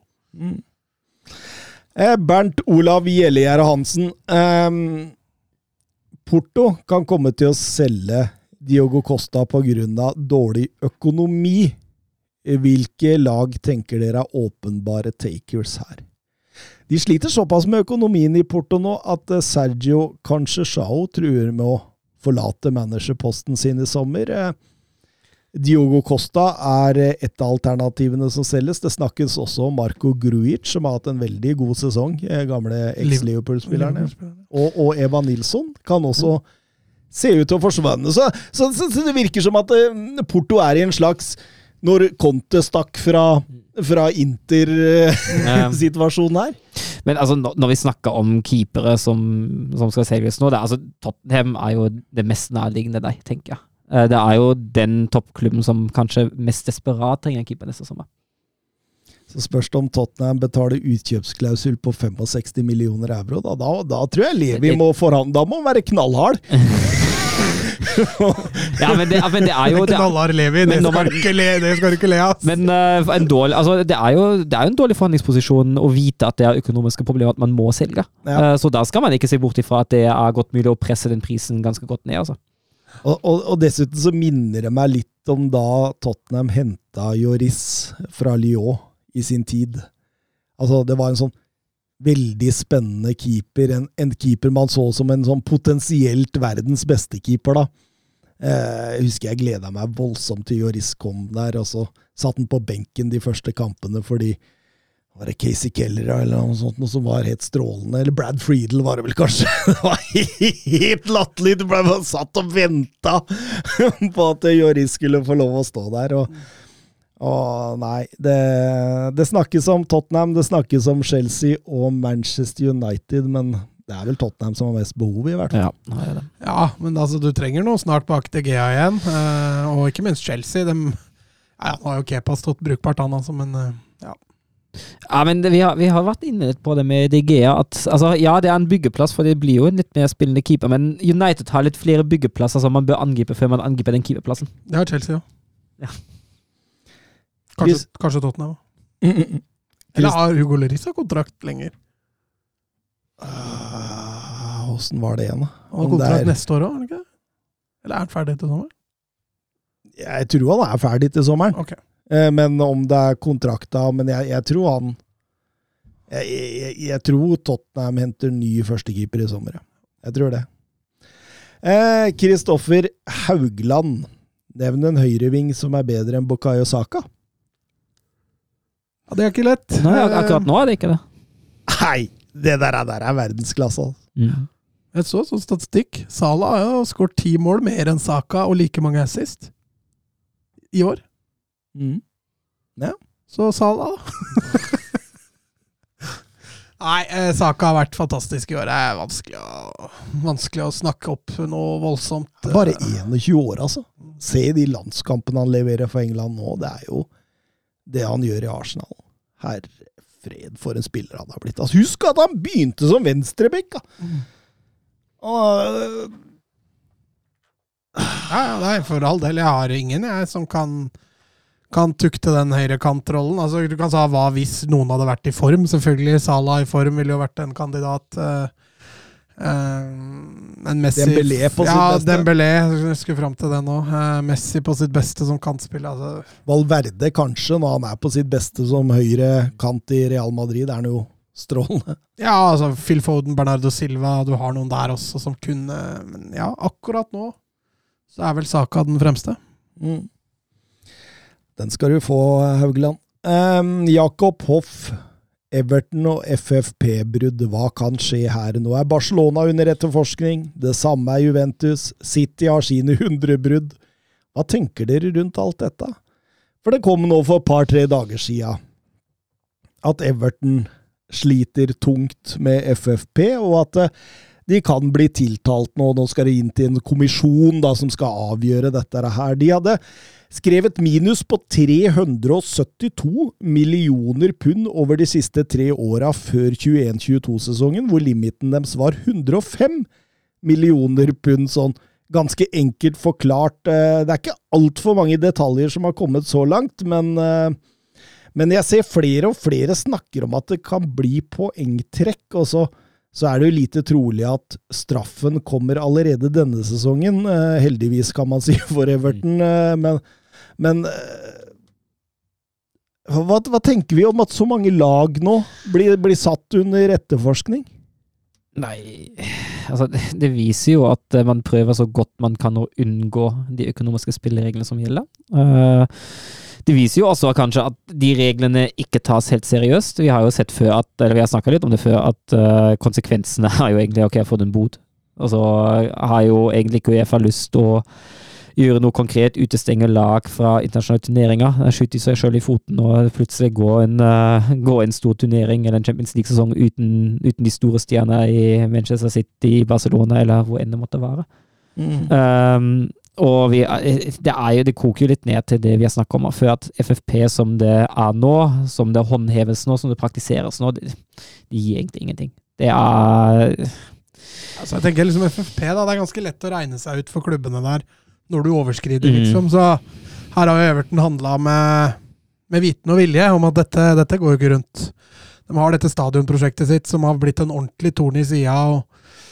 Nei, jeg, altså Det er som Søren sier, da. Altså, hvis de skal fortsette å håndheve på samme måte de alltid har gjort, så er det en bot, og så ferdig. Yeah. Eh, men så er Everton en glimrende klubb da, å statuere et eksempel med. Som Mm. for UEFA litt lettere enn Manchester ja, City. akkurat det, da. Eh, og det selvfølgelig vil jo være voldsomt urettferdig eh, for Everton, selvfølgelig. Men Men, men, men, men de kan jo ikke straffe Everton med poengtrekk her for ett brudd, og så la Manchester Citys 100 brudd Nei, det Nei, det vil jeg, men det er derfor jeg sier det vil oppleves som fryktelig urettferdig. Eh, Det er, er derfor som søren, det er blitt håndheva helt dust der. Og det at noen har fått sluppe unna, gjør jo at det setter en presedens som gjør at Ja, er, er det noen som har fått svi, så er det jo Juventus. Italienere skal ha det, at de, de, de, de kjører på. Ja, det skal italienere ha. Altså vi, eh, For de som er litt interesserte, så kan de jo spole tilbake til forrige episode, hvor vi snakka om at eh, Juventus har tross alt kun fått én av fire mulige dommer. Så eh, og, og, og dette med dommerproblemene, holdt jeg på å si, kan man si, i Barcelona. Dette med Manchester Citys brudd. Altså, det blir mye, og jeg, jeg, tror det er andre klubber nå som skjelver litt i Ja, det bør jo være det, da. er det lov å si Eh, buksene, eller ja. si vimplene? Nei, det er nok mye urent mel i posen rundt omkring. og eh, Barca har jo blitt straffa før dem også, riktignok i overgangssaker med yngre spillere. De fikk overgangsnekt. Chelsea har fått overgangsnekt. Eh, at det snart må begynne å straffes for å kunne håndheve dette her, det må man jo, ellers så, så blir man jo bare latterliggjort. Eh, og ja, igjen, Everton er vel en glimrende klubb å straffe. ja, det kan jeg tenke meg. Um, Jonathan Hobber, hva har egentlig skjedd med Del Alley? Ja, det er jo morsomt, det som Den skjer. der videoen med Mourinho, den står seg bare så Ja. jævlig bra! Nå han ble vel kasta ut av Besjiktas tropp nå? Det nyeste nå at han er forsvunnet? Altså, det, det jo Han har Ja, ikke han, han har vel ikke forsvunnet? Nei, men han har ikke dukket opp da han skulle. Uh, og så- var jo kommentaren fra jeg vet trener eller sportsdirektør at nei, kanskje hadde fått det regna i dag, da gidder han ikke. Mm. Og det, det, sier jo, det sier jo alt. Trener Senol Gones der sa det at uh, ja, i dag er det vel regn, så det passer ikke for Deli Alli å stille opp. Eller Jeg veit jo ikke, han tar jo ikke telefonen når jeg ringer han. og og jeg, Jeg får bare håpe han ikke er blitt utsatt for en ulykke eller noe sånt. nå. Men altså, er det, er det en spiller med såpass mye talent siden Balotelli som har kjørt karrieren sin såpass til vekst? Nei, det er ikke det. Det er ikke det. Og det, det er jo som Mats er inne på i All or Nothing-dokumentaren, der hvor Mourinho var ganske klar på altså, Det var jo fra første stund av, egentlig. Han spurte hvor har du gjort av broren din. Nå skal vi, nå skal vi få Dele Alli fram her. og og etter noen uker der så sa han vel til eh, assistenten sin at han trener så dårlig. Han trener så dårlig. Og jeg tror jo det er det som har skjedd med Del Alli, at det har Gått i huet på den. ja, altså det har vært Fortnite og Fame, det har vært utesteder, Pep Guardiolas datter, gaming, altså alt annet enn det som eh, handler om fotball, da, som betyr noe. Følte det som en win da, når eh, bedda dattera til Guardiola der. Jeg tenkte vel at nå har jeg oppnådd noe i Ble en knallhard deal alley. De forhandlingene skulle jeg De forhandlingsbordet skulle jeg gjerne ha. altså.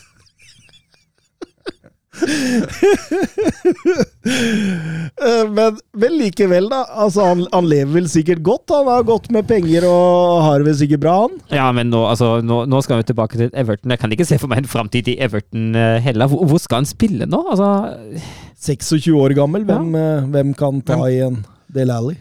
Hvem tar igjen knallhard, Del og det er jo det er noe med at den, den, til Guardiola. den, Stakkars Døfkern, og prøver å ro i land der. den, spillerkarrieren hans var jo uansett ikke evig, og den ikke-profesjonaliteten som vi viser nå altså, Hva skal han drive med etter karrieren? Eh, det, Nei, Ja. han, han slår meg ikke som en manager-type. nei, og Spillende manager. Jo, der, tror- der tror jeg vi har karrieren hans. Rexham, da. Ja, Rexham, ja. Så Ben eh, Foster, var det vel? Signerte. Det er litt moro. Var han 37 år? Ja, han det, Hadde jo lagt opp. ja, det var jo han Tottenham prøvde å skaffe som reservekeeper nå når, når eh, Joris eh, ble skada. Stakkar Tottenham. nå. Det er til og med Rexham over Tottenham nå på Ja, det var heller det at FA satt et eh, Satt et horn eh, i sida der. Det var eh, et knallhardt et.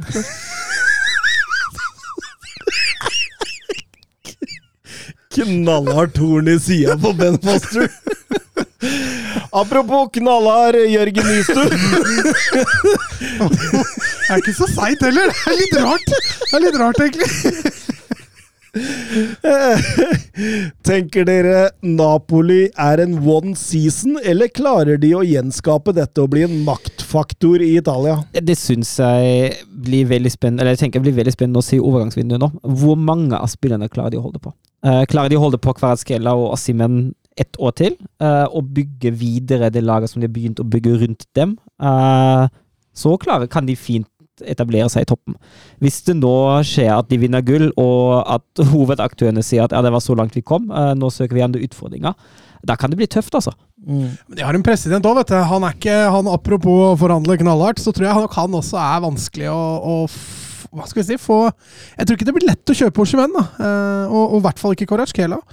Sånn at eh, Og så tror jeg ikke det, det er ikke bare avhengig av Napoli. da. Altså Du har et Juventus som er blitt trukket i poeng nå. Du har uh, et Inter som ikke har kommet ordentlig i gang. Milan som har skuffa stort. altså hvis bare ett eller to av disse presterer neste år, da, så blir det jo mye jevnere uansett. da. Ja, men jeg vil jo si altså, å gjenskape er jo ikke å vinne serien med 19 poeng igjen. Eh, Jeg tenker å, å gjenskape og etablere seg blant topp tre, topp fire-laget på sikt, da. Det tror jeg de klarer. Så er det jo sånn at uh, Luciano Spalletti eh, står uten kontrakt i sommeren. Jeg så Di Laurentis var sikker på at han skulle skrive under forlengelse, men det, det vil jo alltid ligge der før uh, den signaturen er skrevet under på. Jeg kan tenke meg at det er Spallettis lille forsikring på at det her, nå, nå skal det ikke selges uh, spillere, for gjennom jobben han har gjort i Napoli nå, så vil han jo alltid være attraktiv på markedet i sommer, så han sitter jo uansett på gode kort. Altså Han kan si ok, jeg tok Napoli til det høyeste nivået de har hatt, eh, ja, kanskje, kanskje Siden slutten av 80-tallet. ja, og kanskje før det òg.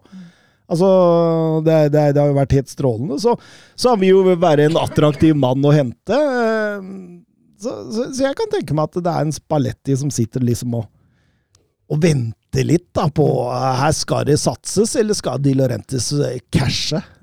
Ja, altså, jeg er enig med Søren. altså Hvis Korashkela og Simen blir, så, så er det jo alle muligheter. Eh, men det er den Korashkela tror jeg ikke drar noe sted. Men Osimen tror jeg den er litt mer eh, Mm. Fordi det er så mange desperate klubber der ute Mm. etter nier, da. Eh, så er villig til å by en halvannen milliard, liksom. Men det kan jo være greit å slippe én, Mm. tenker jeg jo fortsatt. Ja, altså, bare man, man kan jo finne en god erstatter òg. Ja, for halvannen milliard, så er det, det du, får, du, får, du får en god del eh, brukbare spisser, altså. Ja. Jeg tenker meg, vet du hva, Det ligger så til rette at de bare fortsetter å hente fra Lill. Og så henter Jonathan David som Mm. erstatteren. Ja, Det hadde vært brukbart, det. altså. ja, det, det er jo Ja, ja. Det, Det er fint, det. En per, nesten perfekt erstatteren, ja, faktisk. ja, det er det. Men han trenger jo et år eller to han òg, på å tilpasse seg. Men ja, det der kan bli gull. Randal Kolomoani. Ja, Hører han driver og snakker om at han ønsker seg til nye steder nå allerede. Ja, det er ikke så rart. Glassene Glasene har jo ja, mm -hmm, har begynt å, Det har jo begynt å slå litt sprekker der og i Frankfurt. Vi får se hvordan det blir. Nei, men altså, jeg tenker jo at forutsetningene uansett er der for at Napoli kan etablere seg helt i toppen i italiensk fotball. Nå må de bare forvalte de forutsetningene godt nok. Helt, eh, helt klart. Trener og analyse har skrevet til oss. Oi. Mm. Tror dere på en ny Kylian Mbappé-saga i sommer, eller vil han sitte rolig i båten?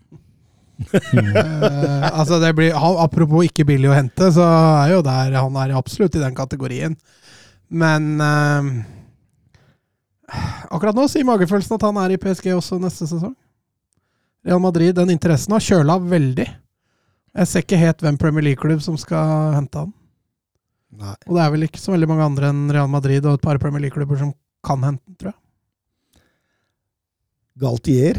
Det virker som det går mot slutten, altså. Eh, Så, så rask var det prosjektet. Ja, det er jo bare Champions League som står i huet på dem. Jeg tror nesten han hadde blitt nummer to i serien og vinner Champions League, så hadde det vært mer enn godt nok. Neymar forsvinner til sommeren. Ja, det, Messi forsvinner til sommeren. Neymar det ikke akkurat en svekkelse som han har spilt nå i det siste. Nei, men jeg tenker, Er det positivt for Mbappe at de forsvinner, Ja. eller er det negativt? Ja, Kanskje ikke Messi, da, for de to har jo blitt kompiser. Eh, men for laget at Neymar blir borte, det, det er ikke noe svekkelse i det hele tatt, tror jeg. No. Eh, du, så det, du så det spesielt mot Bayern. Hjemmekampen Mm, ja. hvor alle tre spilte. De spilte jo, med, spilte jo med to mann mindre i forsvar. Og når du da plutselig fikk Mbappé, nei, Neymar ut av laget til returoppgjøret, så var det plutselig en mye jevnere kamp med en gang. Så PSG tror jeg er tjent med i hvert fall Neymar ut. Messi begynner å dra på åra, selvfølgelig, men han, han har i hvert fall en hensikt, da. Men etter hvert så vil han jo komme til et veiskille her. Skal jeg bli en legende i PSG som trolig aldri kommer til å vinne Champions League, eller skal jeg forsøke meg i en mer konkurransedyktig liga og dermed øke sjansene for å vinne Champions League? han, han har jo bare to år igjen etter denne sesongen, og da er han 27-26. Ja, han er 25 nå, ja. Ja, Det stemmer nok, det. Eh, sånn at han har fortsatt mye gode år igjen av karrieren sin. Da. Så jeg tenker jo det at for han som tjener mer enn det du og jeg og Søren noen gang kommer til å være i nærheten av å tjene, så kan han fint ta ut det i PSG og så dra videre gratis om to år òg. han blir nok Han er nok minst like heit på markedet da. Så kommer et interessant spørsmål fra Nikolai eh, fotballmann på Twitter. I gegenpressens tid ser vi færre av typene Ronaldinho, eh, Ronaldo, Tarapt, Karesma, Rikelme.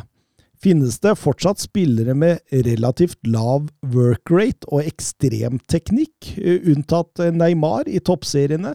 Ville Ronaldinho for eksempel slått igjennom i like stor grad i dag? Det var veldig spennende tema, egentlig. Ja, jeg Ja, altså Messi er jo der, da. Ja.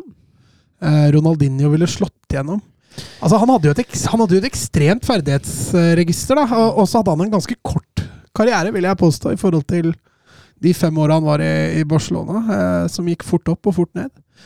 Eh, men han har jo helt rett. Mm. Altså, Skal du spille offensiv på Liverpool eller City i dag, det nytter ikke å tusle rundt. Eh, Nei da, altså kravene til spillerne har økt voldsomt når det kommer til jobben imot, og man ser jo det med, med Ronaldos forsøk på å finne seg en annen europeisk toppklubb, at det er, man blir uattraktiv når man ikke lenger jobber mot ballen. Men, men, men Antony, har ikke han litt den jo, han har litt i tendenser. Uh, Rafael Leao.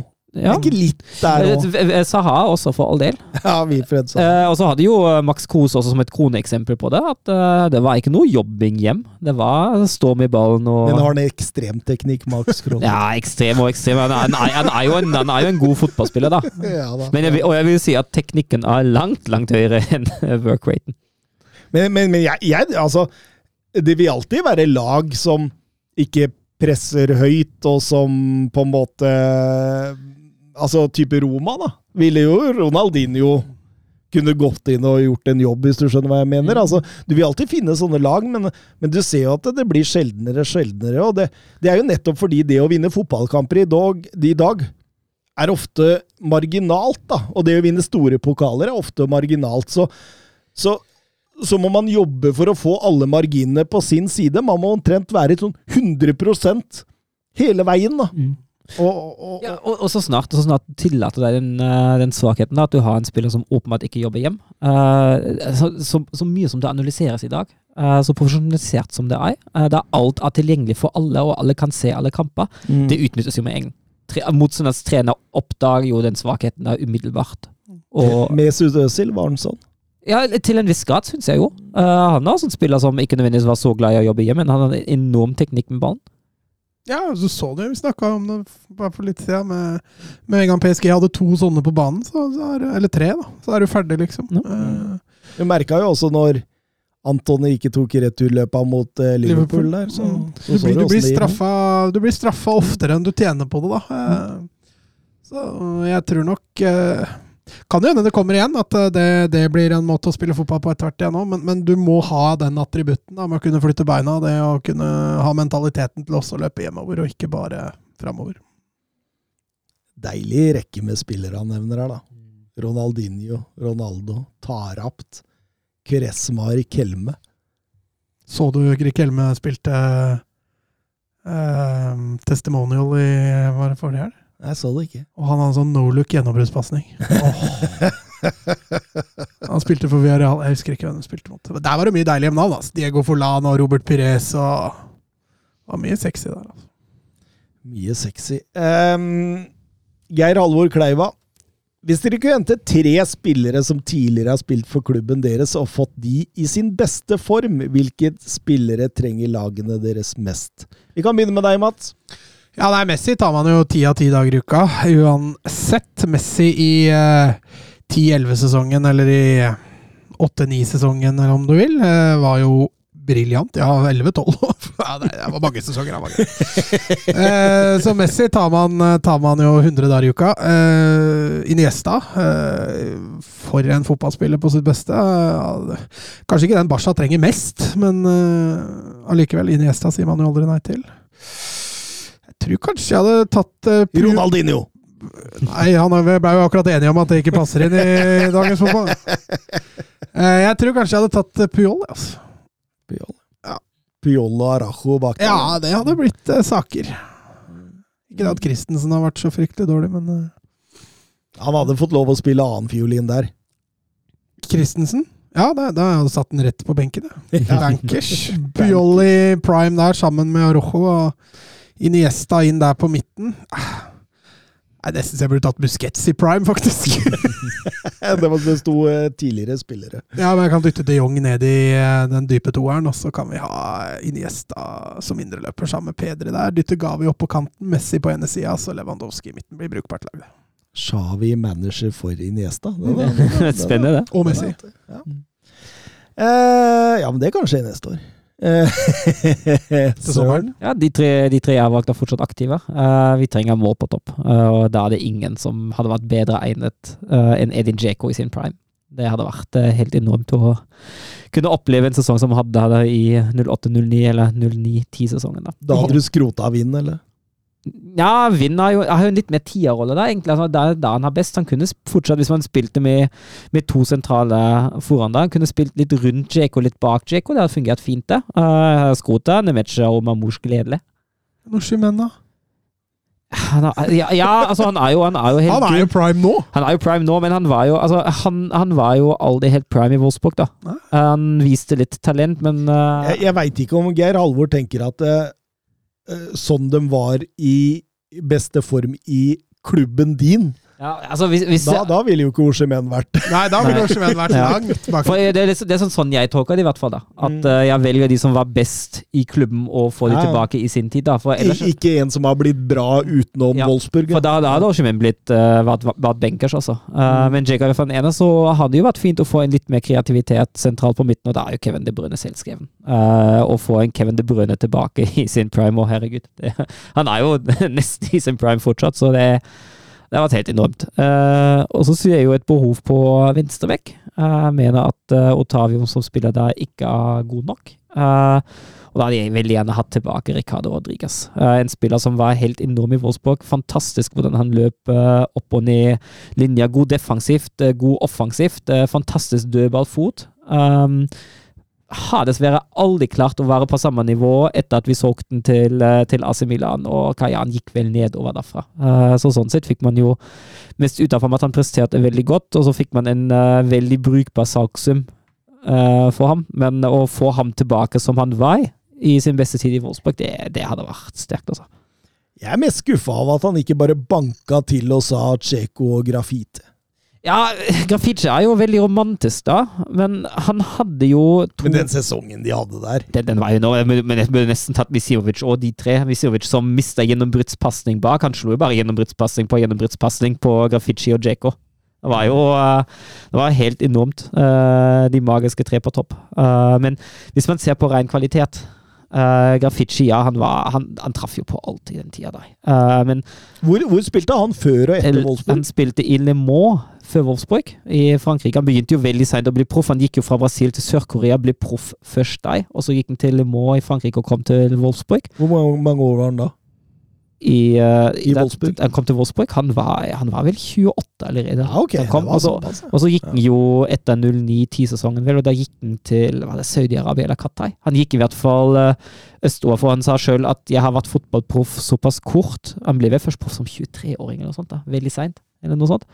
Eh, og han, han måtte da forsøke familien sin, og da måtte han dra et sted han rett og slett kunne tjene penger. Tjente rett og slett ikke bra nok i Wolfsburg. Og nei, han, han ble jo Volkswagen-penger er ikke han, knallharde han, nok. han, falt, han falt dessverre, dessverre litt gjennom etter den enorme sesongen han hadde i 08-09. Han, kom- han ble aldri helt uh, på det nivået igjen, og var litt en skygge av seg sjøl de siste årene han hadde i Wolfsburg. Uh, og da, da, da var man litt sånn enig at han har jo blitt, han har jo rukket å bli en legende på den korte tida han har vært i klubben. forholdsvis korte tida. Uh, og da er det best for alle parter å bare skille veier og ja, huske den tida som var, da.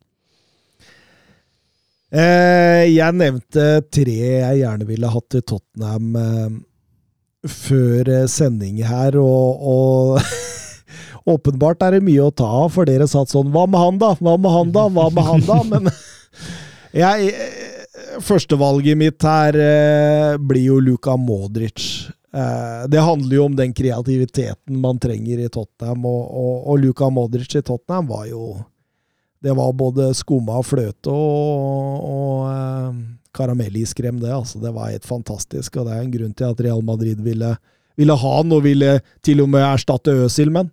Eh, rett og slett eh, enorm. Husker målet hans mot Liverpool. der Han banker den opp i krysset fra 20-25 meter der. Jeg var rett og slett eh, en vakker spiller, og jeg har sagt det før. En sånn spiller jeg nesten er litt sånn stolt av, har vært i Tottenham, og liksom på en måte Tottenham har bidratt til den karrieren han eh, hadde, da. da blir det ingen Gascoigne. Eh, nei, det gjør ikke det, selv om han er en god utfordrer. Ingen tvil om det, men det, det føles liksom som om kvalitetene til Modric var høyere, da, hvis du skjønner, for det er en helt annen tid. Toppnivået var større. eh, Gareth Bale, eh, selvfølgelig. Eh, hvor mye vi hadde trengt den i dagens lag sånn sett? Eh, jo da, vi hadde trengt hver gang hadde vi trengt Gareth Bale sånn han var i Tottenham. Som venstreback, eller? Eh, som alt. Vi kunne hatt elleve Gareth Bale. Såpass! er en fantastisk eh, fotballspiller. Spilte sin beste fotball i Tottenham, det har vi snakka om. Eh, var jo helt enorm, uansett om du satt den på venstre kant, om du satt den på som angriper, om du satt den i mellomrommet. Han spilte bra overalt. Så helt eh, strålende. Eh, så må vi ha en stopper. Vi har jo belyst dette stoppeproblemet til Tottenham. Ta Woodgate, nå så tar du tre som alle gikk til Real Madrid etter Tottenham. Men Woodgate eh, Prime Ja, han er helt han, for han Woodgate Prime var jo bra, men ikke Woodgate i Tottenham. var jo ikke nødvendig, Selv om han avgjorde Det var det jeg skulle fram til. Tottenham har ikke vunnet en dritt etter Woodgate, så det er vel kanskje en Men det blir jo legenden Ledley King, da. Så selvfølgelig blir det det. Eh, jeg kan jo ikke komme utenom. Eh, mann som spilte med kne, et kne, men var likevel verdens, en av verdens beste stoppere. Eh, så den, den er klink, og, og med de tre inn prime, så hadde vi nok kjempa om dette ligagullet, vi òg. om ikke vært en av favorittene, faktisk. Så, så stor forskjell kunne de utgjort. Eh, Cristiano Donaldo han eh, ba oss sette opp en elver med spillere som, eh, av, som vi, vi kan kun bruke én nasjon per spiller, og det trenger ikke å være et balansert lag. og da, da fant vi ut at det blir veldig vanskelig å sitte sånn Altså, det kunne hende at ah, ja, Søren, du får din eh, Cancelo på høyre kant, men da, da, da, da kan jo Da ryker andre på andre ikke laget. sant, våre Cristiano Ronaldo ryker med. Nei, det skal sies at alle tre hadde Cristiano Ronaldo. Vi valgte, vi valgte allikevel å stå over. Men eh, laget vi endte opp med, og vi kan jo si litt eh, om hver spiller, det var Jan Oblak i mål. Uh, Ja, vi endte jo opp med å ta med en benk òg, for det var såpass lett til slutt. Eh, Men Oblak, Slovakia, greit var det? det, er slo, altså det, det, det er greit. Slovenia. Slovenia, altså. Slovakia. Dubravka er det du vil ha? Ja, Dubravka var det jeg tenkte på. Det sto mest mellom han og Roma, for jeg fant vel ikke noen andre italienere som vi absolutt måtte ha med her. Nei da, jeg hadde vel eh, Barella inn i miksen der, men Han blei jo pissa på av Bellingham i helga, så Eh, Cancelo og Alfonso Davies eh, på hver bekk. Er vi fornøyd med det valget? Ja. Det er de to som, som vi hadde med også. Jeg hadde vel Hakimi inn i miksen der, Ja. men jeg fikk ikke lov å ha han med. Nei, det ble to mot én, det. Ja, det gjorde det. Eh, Arajo og Marquinhos eller Tiago Silva, der ble det en diskusjon. Eh, Ja, diskusjon ble det jo ikke, for det var jo to mot én. Men eh, altså eh, Marquinhos og Silva var vel det det sto på. Eh, jeg syns Silva har hatt en bedre sesong i år enn det Marquinhos har hatt, så det var derfor jeg tok han. Og det har du jo for så vidt rett i, men Men eh, ja. Vi står ved den. Eh, sentral eh, midt eh, De Brøne og Bellingham. Bellingham. Ja, det var vel da vi måtte omrokere litt. Eh, jeg endte jo opp med De Bruyne og Kimmich og hadde Kane på topp. Og da måtte vi jo se hvordan vi rokerte der, men det er jo en veldig fin løsning der, her, syns jeg. Det fungerer utmerket med De Bruyne og Bellingham. Mm. Eh, Messi og Kvarasjkela på hver sin kant. Eh, georgiske Kvarasjkela hadde ikke store, store konkurranse om den plassen, men ja, det er en bappe der. Ja, stemmer det. Men Messi på høyre, der ble det litt diskusjon, for jeg ville ikke ha Messi. jeg. Nei, det var vel Salah. Jeg også hadde jo egentlig Salah, men jeg hadde jo Messi på topp, da, så det ble litt rokeringer her. Eh, mm, altså, Messi vant jo nettopp VM nesten aleine med Argentina, eh, sammen med god defensiv struktur. og det var egentlig derfor jeg, Og Salah har ikke hatt noen wow-sesong, så For meg har det stått mellom Messi og Mbappe, faktisk, med Kane og Haaland på topp. Ja. Ja, det- ba, jeg skulle bare klinka han inn og sagt eh, Bukayo Saka. Ja, men det hadde vi ikke gått med Kane og Bellingham uansett. Nei, men Da tar vi Kimmich for Bellingham, da. Så. eh, og Haaland og Mbappe på topp var det vi Ja, jeg syns jo, vi- jo vi endte opp med det beste laget til slutt. Jeg syns jo det, det er hakket bedre enn eh, enn det vi hadde før. og, og, og vi kunne sette i en god benk. Kimmich, Oshimen, Donnarumma, De Ligt og Hakimi. Den er ikke dårlig, den heller. Jeg hadde vel Zinchenko, som blei bortgjemt og nedstemt. og var nesten så dere ba meg om å ikke nevne det på lufta engang. Så, så gærlig var det forslaget, faktisk. Det var jo mest meg, vel. Det er ikke også at du, ut, at du valgte å utelate ham fra benken nå. skjønner du? Det to mot- to mot én på benk. Kan ikke ha ham på benken, du? Får ikke den åpne plassen der engang. Jeg vil ha Mudryk der. Jeg, jeg, jeg gleder meg til vi skal kåre årets lag i Premier League. Ja, Jeg vil ha Mudryk der. Nei da, men nå har jeg jo skrytt i UEMA både Saka og Martinelli og, og alt mulig rart eh, denne sesongen. Arsenal fortjener det virkelig, men syns jeg Sidsjenko på et sånt lag, det hørtes feil ut for meg. Jeg, jeg har basert på prestasjon, mye på prestasjon denne sesongen. Ja, og denne sesongen har vært veldig, veldig god. Ja, jeg syns Zinchenko har vært bra. Til slutt eh, vil Anders Hansen at vi skal sette opp et eliteserietabelltips eh, fra hver og en av oss. Eh, regler og premie blir samme som i fjor. Trenger også toppskårer, assistkonge og keeper, og der har Søren bedt om ved tenkepause. Ja, jeg rakk rett og slett ikke å forberede det til uh, i dag, og jeg har lyst til å komme med et litt fundert tips, og ikke bare ta det på, på lufta nå. Så ja, det tar vi neste uke. Eliteserieekspert eh, Edvardsen, som vant sist, han eh, klarte jo å skrulle noe ned på eh, Ja, Vi har det jo der. Hvem, var- hvem var det du hadde som toppskårer? Eh, På veggen her, tenker du? Fra, fra sist sesong? Ja. Skal vi se, da. Det er jeg som har skrevet, så det kan bli litt vanskelig å tolke. Ja, du, du har jo kråkeskrift, Dupkern, men eh, skal vi se Jeg hadde Espejord som toppskårer. Ja. Og så hadde jeg Dette er, er ikke Jeg hadde Eikrem som assistkonge. Og jeg tror jeg hadde Hedenstad som uh... Og så flest null tror jeg var Mats. Hedenstad. Ja. Men jeg husk, jeg vant. Ja, Det, det, det skal jeg ha. Med, er, er det blitt sjekka, eller? Ja, Anders har Ja, sjekka. Anders har Anders Han sjekka. sjekka det? Ja, ja. Okay. ja, han skylder meg en øl, han. Han skylder deg en øl? Ja, han sa det. Var det ikke det? Ja, det var, du, Ja, får, du får en halvliter. Som regel er det jeg som må betale øl her når jeg går over. Så det var hyggelig at han kan ta Fortsatt tre igjen, Mats. ja. ja. Nei, den Mourinho-ølen den får du ikke. Åhåhå. Det må du, den, må du dokumentere. Det er greit, det skal jeg gjøre. Jeg hadde Glimt, Molde, Viking, Rosenborg, LSK på de fem første. Ja, Det var ikke så dårlig, det. Nei, Unntatt, unntatt Viking, men vi hadde vel Viking høyt oppe, alle sammen. Ja, du hadde Viking på treet, og, og ja, Mats òg. Så vi hadde stor tro på Viking. Ja, jeg ser jeg har mindre tro på dem i år, så Ja, det er jeg òg. eh, Da var vi egentlig ferdig, da. Under to timer? Oi, oi, oi. oi. Ja, nei, men det kan godt hende. Jeg veit ikke hvor lang introen ble. Ja. Ja, ja, ja. Vi må jo redigere her. ja det må vi, sant. Ja, sånn er det når vi bare har én kamp å snakke om. Da blir det bare to timer. Tenk deg neste uke igjen når det er eh, 20.